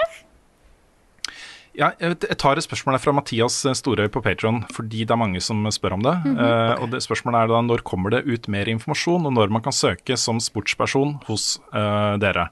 Og hva skal en eventuell uh, søknad inneholde? Vi hadde jo det som et av eh, målene eh, på veien til Nick Det var jo å hente inn flere anmeldere. Og mm, grunnen til at det tar litt tid, er at det er, vi må være litt øh, flinke da, til å formulere den utlysningen, for det vil komme en utlysning. Vi har fått opptil flere forespørsler fra folk. Vi har til og med fått søknader ennå. Jeg må bare si liksom Vi kan ikke vurdere dette nå, fordi jeg har sagt at det skal komme en utlysning, og da sitter det folk og venter på det, og så, mm, mm -hmm. og så videre. Og så vil det også komme noen instruksjoner i den videoen på hva, øh, hvordan søknaden skal se ut. Eh, og det, Vi har ikke helt formulert det ennå, men det vil da f.eks. så har vi lyst til å se folk på kamera. Vite hvordan, altså Det er ikke nødvendigvis at det er en superproft klippa video, og sånne ting, men vi vil se hvordan folk kommer gjennom kamera, uh, og potensialet der. Uh, og Det vil også være konkret informasjon om hva slags type anmeldelse man skal levere, da, som en prøveanmeldelse. Men utover det så er det litt sånn eh, tricky, fordi eh, vi, vi har kanskje mest lyst på en eh, sportsperson som også er interessert i andre ting. Mm. Fordi disse sportsspillene går litt i bølger, og så er det kanskje bare to-tre spill i løpet av et år som det er naturlig å anmelde. Kanskje ja, fire- fire-fem, kanskje. Eh, men vi, vi ønsker jo oss ikke en person som bare skal sitte litt på utsiden og levere sportsspillanmeldelser. Vi har lyst til å finne en person som kan liksom bli inkludert på streams og uh, andre ting vi gjør, og kanskje anmelde litt andre sjangere hvis de er interessert i det og sånne ting. da. Så, så det er et lite hint. um, Vi har jo noen hull. Uh, Ja, vi har noen hull der. Vi har det. Så uh, vi- ja. Ja, jeg tror også at, eh, at eh, det ikke er noe veien for at vi kan hente inn flere frilansere, hvis det dukker opp folk med spisskompetanse f.eks. innenfor eh, Early Access på Steam. Er, de lever av å spille Early Access-spill. Kanskje vi ser potensialet for et eller annet der. Um, så, um, så det er ikke nødvendigvis bare sportspersonen vi er ute etter. Men, men ja, vi trenger litt tid til å liksom tenke oss grundig gjennom, da. Ja. Hva, det viktigste er at vi må finne personer som vi føler passer godt med resten av gjengen. For det har vært en sånn suksessfaktor for oss. At de folkene vi har henta inn, har liksom Vi har mesja godt. Vi, har, vi går godt sammen, og vi snakker godt sammen, og vi uh, trives i hverandres uh, selskap. da. Så, så det er en litt sånn kulturting også som er litt viktig. Vi kan ikke uh, sette det på spill, på en måte. Så det handler jo i bunn og grunn om å på en måte te- hullene som vi har nå, når vi ikke klarer å dekke alle sjangre og sånt. Så Ja. vi trenger kanskje ikke en anmelder som kun fokuserer på Soulsborne-spill fra FromSoft, for eksempel. Det, det hullet tror jeg vi har tetta ganske greit. Der er vi safe. Da kan jeg bare nevne her og nå. Det er nesten tetta for bra, si. Det er fullt. Det var et hull, og nå er det en haug oppå hullet. Det er på en måte Ja, ja, ja. ja. Nei, men Vi har også fått det spørsmålet om trenger vi en sportsspillanmelder. Er det for dere som har spurt? Mm. Og Vi har jo følt det hele tiden at vi gjør det, og det handler jo ikke om at uh, noe annet enn at vi uh, rent sånn redaksjonelt bør favne så bredt som mulig, føler jeg da, i, innenfor spill. Så da er det sportsspill, det er Grand Strategy. Eh, det jeg kom på akkurat nå. Det er Mhm. flere. Ja. Ja, jeg, jeg ser for meg også, Dette er ikke inkludert i dette, denne pakka her, men i en sånn tenkt fremtid da, hvor vi har så mye penger at vi kan gjøre det, så kunne jeg ønske Jeg har så lyst på korrespondenter i Games as a Service-spill. ja. Folk som bare spiller World of Warcraft eller uh, Destiny eller uh, Division eller uh, League of Legends eller et Ja, eller ja, annet, som kan liksom komme med jevnlige rapporter da, om utviklinger innenfor de spillene. Det, er en sånn, det står på ønskelista mi, men det, er, det, er, det har vi ikke råd til nå, liksom. Men det er sånne ting som vi eh, Hvis vi hadde hatt muligheten til det, så hadde vi gjort det. All right. Nå Yes. vet i hvert fall folk litt mer om hva vi tenker. Eh, en eller annen form for video må inkluderes her, men vi tenker altså mange av de som har fått jobb eh, i Level Up, har ikke mm, vært eh, på en måte fiks ferdige videoredigerere ennå. De har blitt gjennom, gjennom eh, arbeid, liksom. Så vi forventer ikke at uh, Det er ikke nødvendigvis den som leverer den best redigerte videoanmeldelsen som får en sånn jobb. Uh, det handler, vi ser på potensialet og uh, mange andre faktorer også. Så ikke tenk på at man starter litt fra scratch da, på videoredigering, for det kan, det kan man lære seg. Nei, det var første, første gang jeg hadde redigert en ordentlig video, var til søknaden min. Ja. Så da No worries, for å si det sånn. Mm. Det, jeg legger til én ting, da. En ting som er veldig viktig, er på en måte um, hvordan uh, klarer du å få fram din personlige mening om spillet på en god måte, og formidle det på en god måte, og begrunne uh, det du sier om spillet godt. Det er på en måte Man starter litt der, da. Hvordan, hvordan vurderer du et spill? Uh, og da uh, er det viktigere med på en måte et godt manus og en god formidlingsevne der, enn at uh, videoen er jo dritkult klippet sammen. Yes. det er liksom pri, pri er det, da. All right. Yes, Da tar jeg neste spørsmål. Jeg åpner eh, Google Chrome her for å hente fram spørsmålet. Det ser at jeg har fått et bilde av søst konditorsøstera mi som har lagd 36 kaker. Det er skikkelig dårlig gjort. Jeg er sulten. Wow. Ja. Eh, Hun er veldig flink, da. De ser veldig gode ut. Men jeg har et spørsmål her, noe kanskje litt mer lettbeint. Det er fra Norton Jonasson, og dette er viktig for meg. Gul eller rød saft? Altså Altså. Jannik? Men det er jo gul, da. Det er jo Ja. Er det kun pga. fargen, eller er det pga. smaken? Nei, her er det begge deler, altså. Ja, OK, det er det. Det er faktisk begge deler. Nei, jeg har alltid likt liksom Det, det som minner meg om appelsin. Ja. Det er som regel gult. Det er bare the perfect combo der. Selv om rød, rød er god, da nå, altså. Skal, skal ikke dem. jeg, Her går det i bølger. Eh, det Innimellom så er gul saft the shit, men som regel er det på rød saft. Og det er interessant, for nettopp, det, det er en grunn til at jeg tar opp dette, nemlig. Eh, Fordi at jeg har vært på utkikk etter den røde saften som smaker sånn som jeg kan huske at han burde gjøre, på en måte. Ja. Og jeg har testet litt forskjellige, og på en måte mye god rød saft der ute, men nå har jeg funnet en som endelig smaker sånn som jeg eh, tenker at han skal gjøre, sikkert nostalgisk. Men jeg har funnet ut at jeg må, jeg må slutte å kjøpe sånn jeg håper å si ordentlig saft. Jeg må gå for det billigste greiene jeg finner. Da er der, der er smaken. Så det, det var da jeg måtte gå på Coop, finne den billigste røde safta, og der har vi smaken. Så nå er jeg fornøyd. Så jeg tror jeg går for rød saft. Ja. Jeg er ikke noen sånn saftperson, jeg. Eh, Jeg syns eh, saft med kunstig eh, søtningsmiddel smaker pyton. Det er sånn ettersmak jeg klarer ikke, men det er samme med brus, da. Det er en vanlig sak, sikkert. Så, men den eh, saft jeg liker, er jo den klassiske solbærsirup. Den, eh, den vanlige, liksom. Den syns jeg er god. Ja, det er godt. Nei, det, det er husholdningssaft. Det er det der jeg er. Og da er da er jeg belagd med sukker, for å si det sånn. Nei, skulle vi hatt eh, Har vi et eh, Å, jo. eh, Og hjemmelaga ripssaft er knall. Da, oh, ja, det høres godt ut. da er kjempegodt. Det har vi ofte lagd eh, hjemme. Men har vi Limonade. Limonade er digg. Å, det er godt. Det har jeg aldri smakt. Det ser så godt ut. Å, det er godt. Ja. Nei, skal vi ta et spørsmål til, eller? Jeg har masse satt opp, jeg også. Ja, ja, så kjør eh, på, gjerne, hvis kjør du har noe, Nick, så kan du gjerne smette inn med det. Jeg, jeg har et spørsmål. Mm. Det er jo fra Åh, Dette er så morsomt navn. Det er fra Dogcrap på Patron-sida vår. Mm. Som sier Hei sann. Jeg har nylig fullført Dark Souls 1, 2 og 3. 100 Det er du. Det er, og vil derfor uh, takke dere for å ha introdusert meg for dette uh, for, skal vi se, for deilige vidunderet av en spillserie. Ah, Det er bare hyggelig. Å fullføre alle achievements ga meg en følelse av å utforske dybden i spillets historie og verden, men var også til delvis fylt av endeløs grinding. Har dere da noen eksempler på spill som ga dere et bedre inntrykk av å fullføre det 100% eller spill som ga dere verre inntrykk av å fullføre det 100 Og Da kan jo jeg komme med det beste, og det er jo Dishonored. Det er liksom den åpenbare. Ja, det er et godt, uh, godt innspill. Nå holdt jeg på å si Ikke fordi det var dårlig, liksom, at jeg har begynt å hate spillet, men det motsatte. Fordi, fordi det var eh, fordi, fordi det er jo ikke særlig lange spill, sånn egentlig.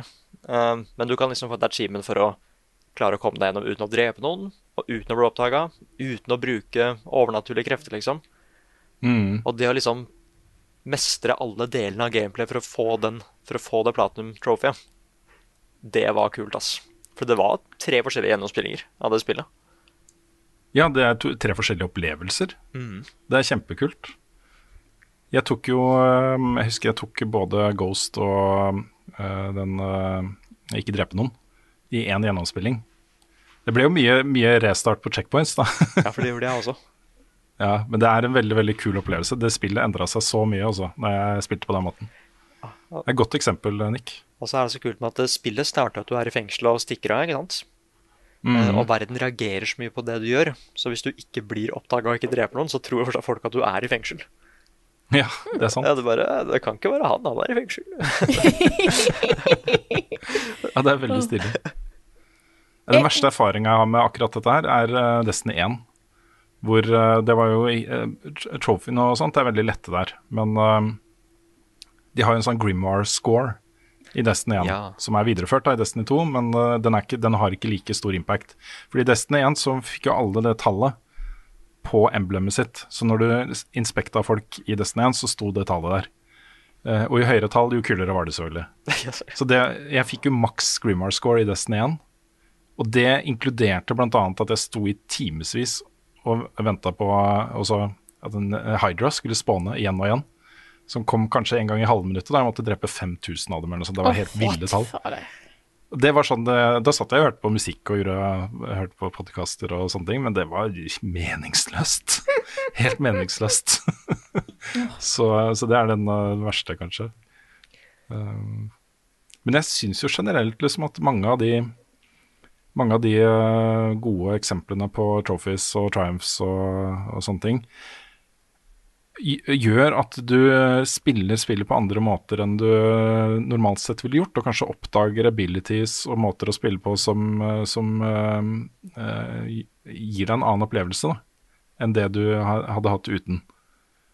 Og det er, eh, det er jo Trophies gjort riktig, når på en måte de bare tar dem gjennom forskjellige deler av spillet som du kanskje ikke ville oppdaget.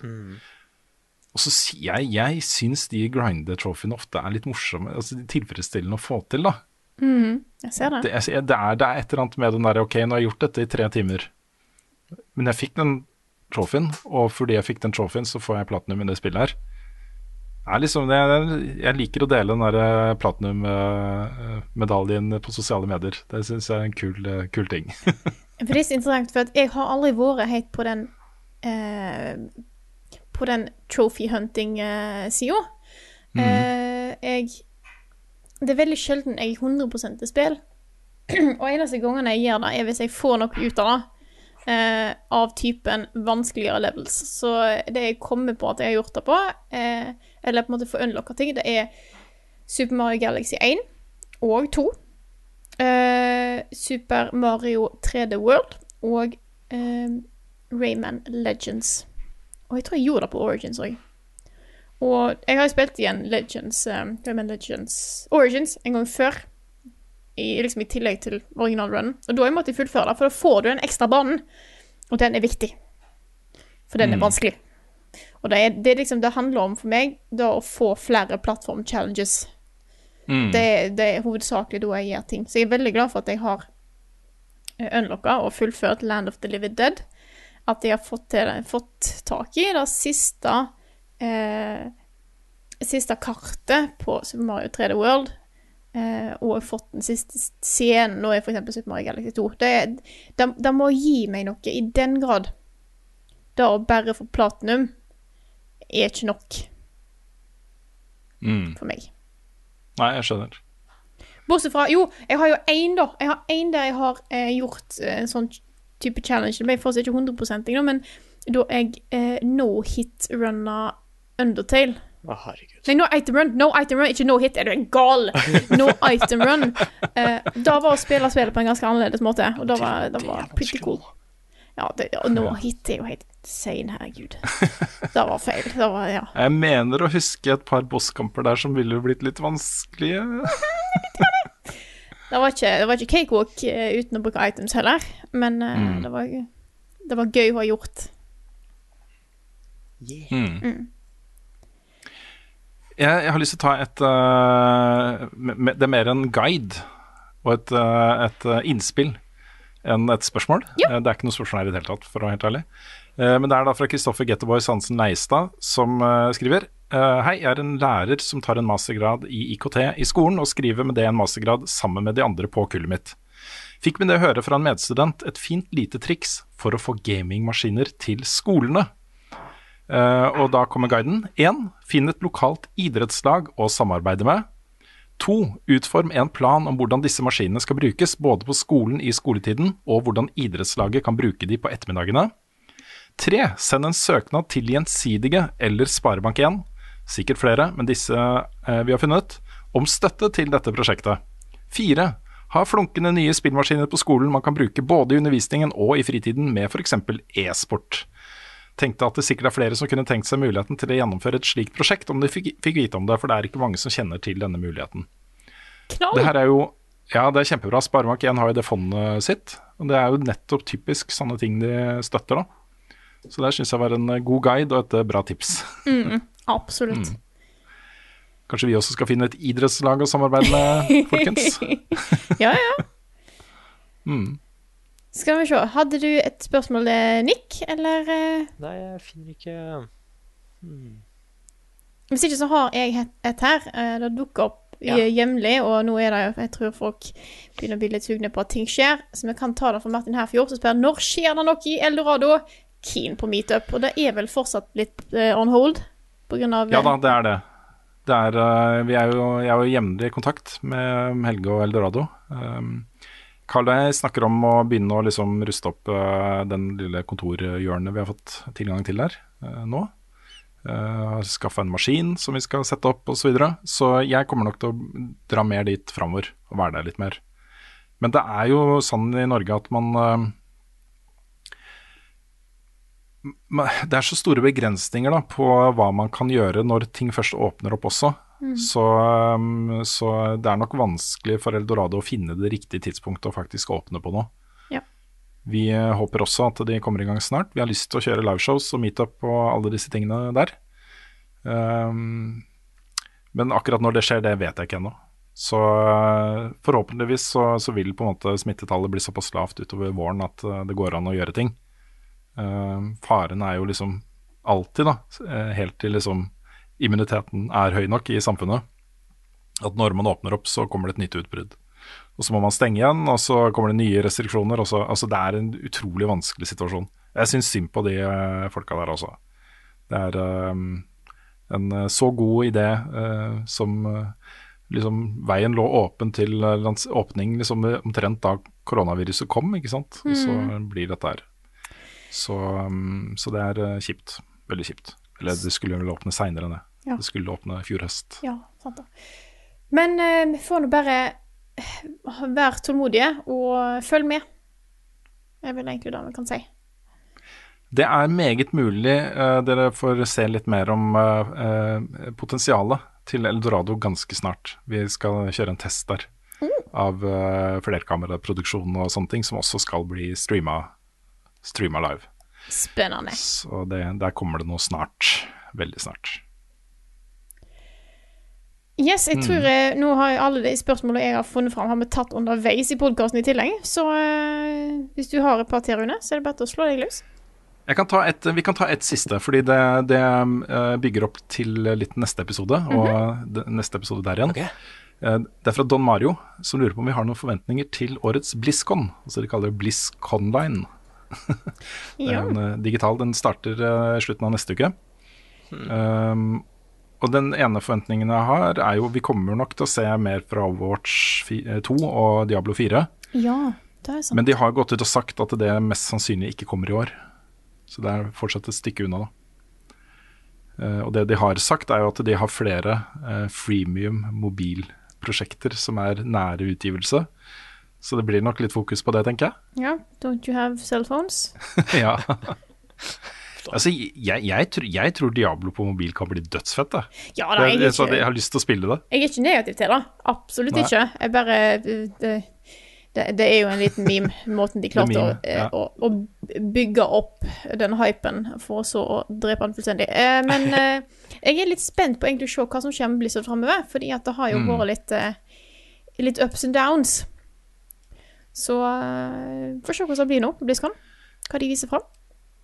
Ja, det som var litt inntrykket etter forrige, kanskje de to forrige, var litt den der ok, nå er uh, de sjarmerende utviklerne uh, plassert på kontoret sitt, og så er det The Suits, The Suits som går på scenen og snakker.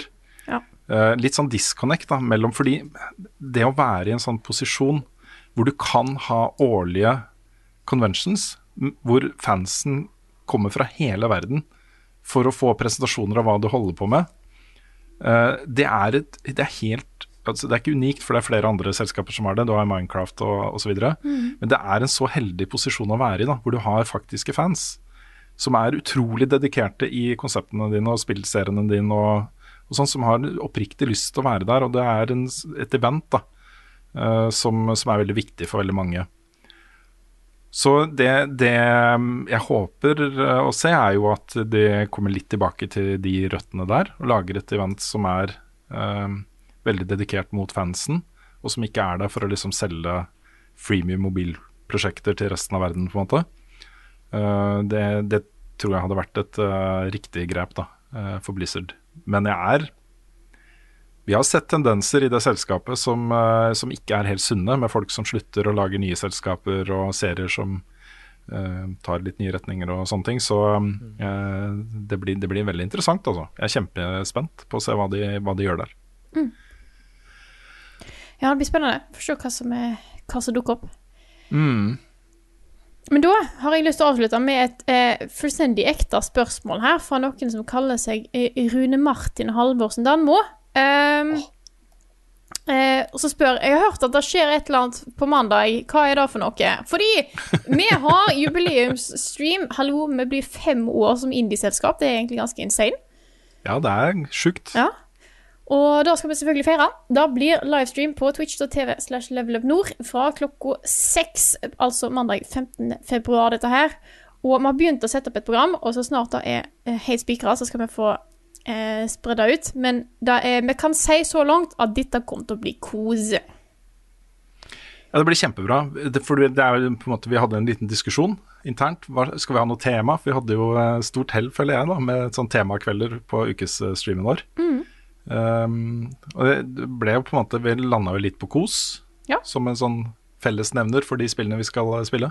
Det er kos. Det blir mye multiplayer her. Yeah. Eh, både spill som er multiplayer for oss, og noen ser det ut til at spill der vi kan også få med, eh, få med folk i chatten. Eh, Kanskje folk fra Patreon Så, så vet dere det. Så da blir eh, det blir kjempekoselig. Så med tema kos, så er det i hvert fall eh, Vi har satt opp et program på seks timer, så får vi se om det blir mer enn det. Eh, seks timer med kosespill. Eh, multiplayer, fun times. Eh, så bare gled dere og, og bli med, og la oss feire litt at vi har ikke bare Altså at vi har nådd fem år, og alt det har vi fått til. Og tenk å ha fått inn Nick nå rett før òg, det er jo helt knall. Så, Det er amazing. så Jeg tror 2021 blir det beste året vårt Åh, ja. Så langt. til nå. Ja. Yes. Og du, bare sånn, eh, du kan glede deg til å høre opp igjen episoden, eh, Frida. For jeg, jeg lurer litt på den fiktive personen som hadde stilt det spørsmålet. Ja. Hvem er Martinsen? For du sa Rune Martinsen Danmo. Nei, jeg sa Rune Martin Nikl eh, Halvorsen Danmo. Å ja, ok, sorry. Ja. Rune Martin, for det jeg hørte, jeg hørte Martinsen og var sånn oh, ja. Mhm, Nei. Okay. Nei, Rune mistet Martin Halvorsen Danmo. Jeg tror det var det Ja, jeg sa, i hvert fall. Ja. Ja, vi, vi får høre på opptaket. Nå kan folk spole tilbake også, Det var bra der spørsmål. dere sitter i bilen deres, eller? Ja, det kan, være, det kan jo være at jeg har eh, slått sammen litt ord. Det har jeg jo gjort før. Men eh, Rune Martin Halvorsen Danmo eh, dukker opp innimellom og spør veldig strategisk smarte spørsmål til podkasten, så det Ja. pris på. Vi får skylde på Discord. Eller Carl. Og, og ja, Eller Carl. Vi kan skylde på Carl, Vi er skylder på Carl. Det er sikkert han som driver og tuller med Discord. Carl Martin. Og med da så tror jeg vi begynner å ta runde litt av her, gjør vi ikke det? Ja, bare en liten ting, fordi vi har ikke plugga den noe særlig egentlig i, det hele tatt. Eh, ut, ut, utenfor streamene våre og sånne ting. Men vi har jo fått en ny webshop Ja, ja, ja. med hei. merch. Eh, og der ligger det masse greier. Vi har liksom uh, sånne Jeg elsker jo sånne der interne uh, merch-greier. Ja. Som du må være en Du må være en level up-seer og lytter for å skjønne hva det er for. Det er ikke logo der engang. Vi har en skrulla Ja. T-skjorte med Souls- Souls-lignende skrift. Vi har uh, Magnus i Furua spillcover. Mm -hmm. uh, vi har uh, NAC, Vi har NAC. forkle. Ja, både T-skjorte og kjøkkenforkle. Vi har Ja. eh, Had Hashtag Hadeland. gutta folkens. Hashtag gutta folkens. Vi har Hadeland, Badeland og Syden. Eh, Mm. Så det er bare til å check it out. Det er på shop.spreadshirt.no slash levelupnorge. Og eh, det, det, det går fort, altså. Jeg eh, tok en bestilling nå eh, i helga, og den er, den er på vei, den. Så eh, Ja. ja.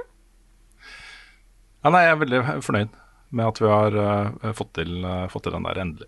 Ja, det er godt å endelig på en måte få den ut, og det virker som at folk er også fornøyd. Så ta og sjekk den ut. Eh, vi kommer til å oppdatere med litt nye design her og der når ting dukker opp. Det kommer til å bli sannsynligvis ei PR eh, PR-T-skjorte, kanskje. Tre Headset Pro Gamer-T-skjorter. Mm. Kanskje vi får lagd en liten poster av eh, da banneret vi har fått lagd. Så mm. vi kommer nok til å gi beskjed om når det dukker opp nye ting der. Men eh, ta en liten kikk. Der er det mye kinask. Kaffekopp Kaffekopp. Ja. Flere kaffekopper i ulike farger, til og med gul. Til og til og med gul. Vi har vel to som er gule, faktisk. Når jeg. Ja, jeg skal få til med begge to. Å, jeg håper ikke de såpass. altså. Åh, nei, det går fint. Ja.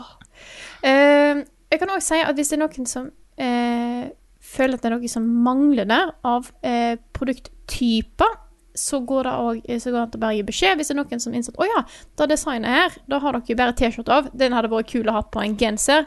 Gi en beskjed, det er lett å legge til. Så, eh, så sånne ting. Bare til å Let me know. Og med det skal vi ta en runde av dårene. Får jeg lov da? Ja, da får jeg tommel opp, da. Good shit. Dette her er podkasten Level Backup, som er utgitt av moderne media. Låten i introen og outroen er skrevet av Ole Sønnek Larsen og arrangert og framført av Kyoshu Orkestra. Vignettene er lagd av fantastiske Martin Herfjord. Du finner mye mer innhold fra oss på youtube.com slash levelupnord og twitch.tv slash levelupnord, der vi prøver å streame mye mer nå enn det vi har gjort før. Så gå inn der og follow oss der, så får du beskjed om når ting skjer. Hvis du vil òg få beskjed om når ting skjer, så kan du òg bli medlem av discorden vår. Der er det veldig mye gode samtaler som foregår. I tillegg til at du får varsel om når det kommer nye videoer, og når vi streamer og sånne ting. Så der skjer det mye. Gå inn på discord.gg slash levelupnorge for å joine der.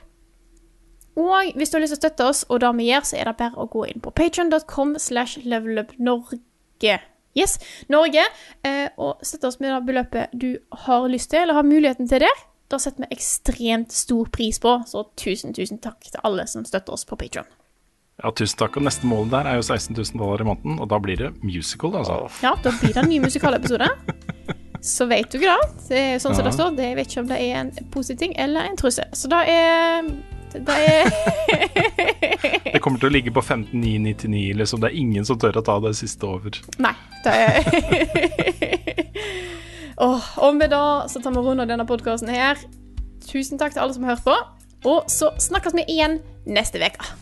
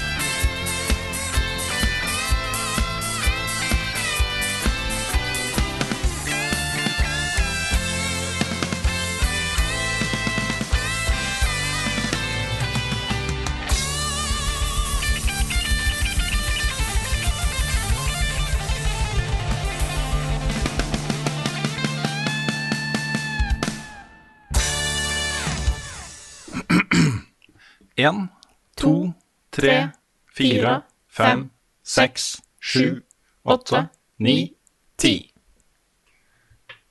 Men ja, jeg har litt lyst til å skaffe meg en ringfit, altså. Det er eh, Det, er, det anbefales, altså. Det er helt knall. Det har endt opp med at jeg eh, Jeg og Petter liksom spiller litt sånn innimellom, med litt sånn annenhver. Så vi driver Nå er Petter kommet lenger enn meg. Og oh. da kan vi jo ikke ha noe av. Nei, det går jo ikke. Så det, så det blir en, på en måte en, en, en, en, en Vi pusher hverandre litt der, da. Det er egentlig litt festlig. Så mm. Nei, men da er vi klare til å fortsette til eh, anbefaling.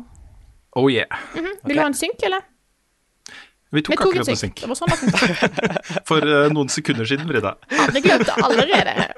Jeg kom på det i dag jeg begynte å snakke, og tenkte OK, greit. Ja, ja. Da setter vi i gang.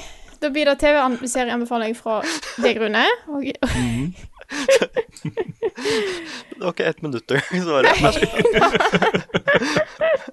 Nei, men Det er jo litt sånn vi teller, ikke sant? og det er bare ting vi gjør, og vi tenker ikke noe særlig over det. Så jeg skjønner, jeg skjønner at det kan ja, ja. Det var så uriktig. Bare ja, skal du synge, da. Jeg var veldig forberedt. Jeg er ikke sånn syk, jeg. Nei, men jeg skal vi se. Nick, du hadde anbefaling òg? Nei, ikke egentlig. OK. Har du et enkeltpersonforetak eller en liten bedrift?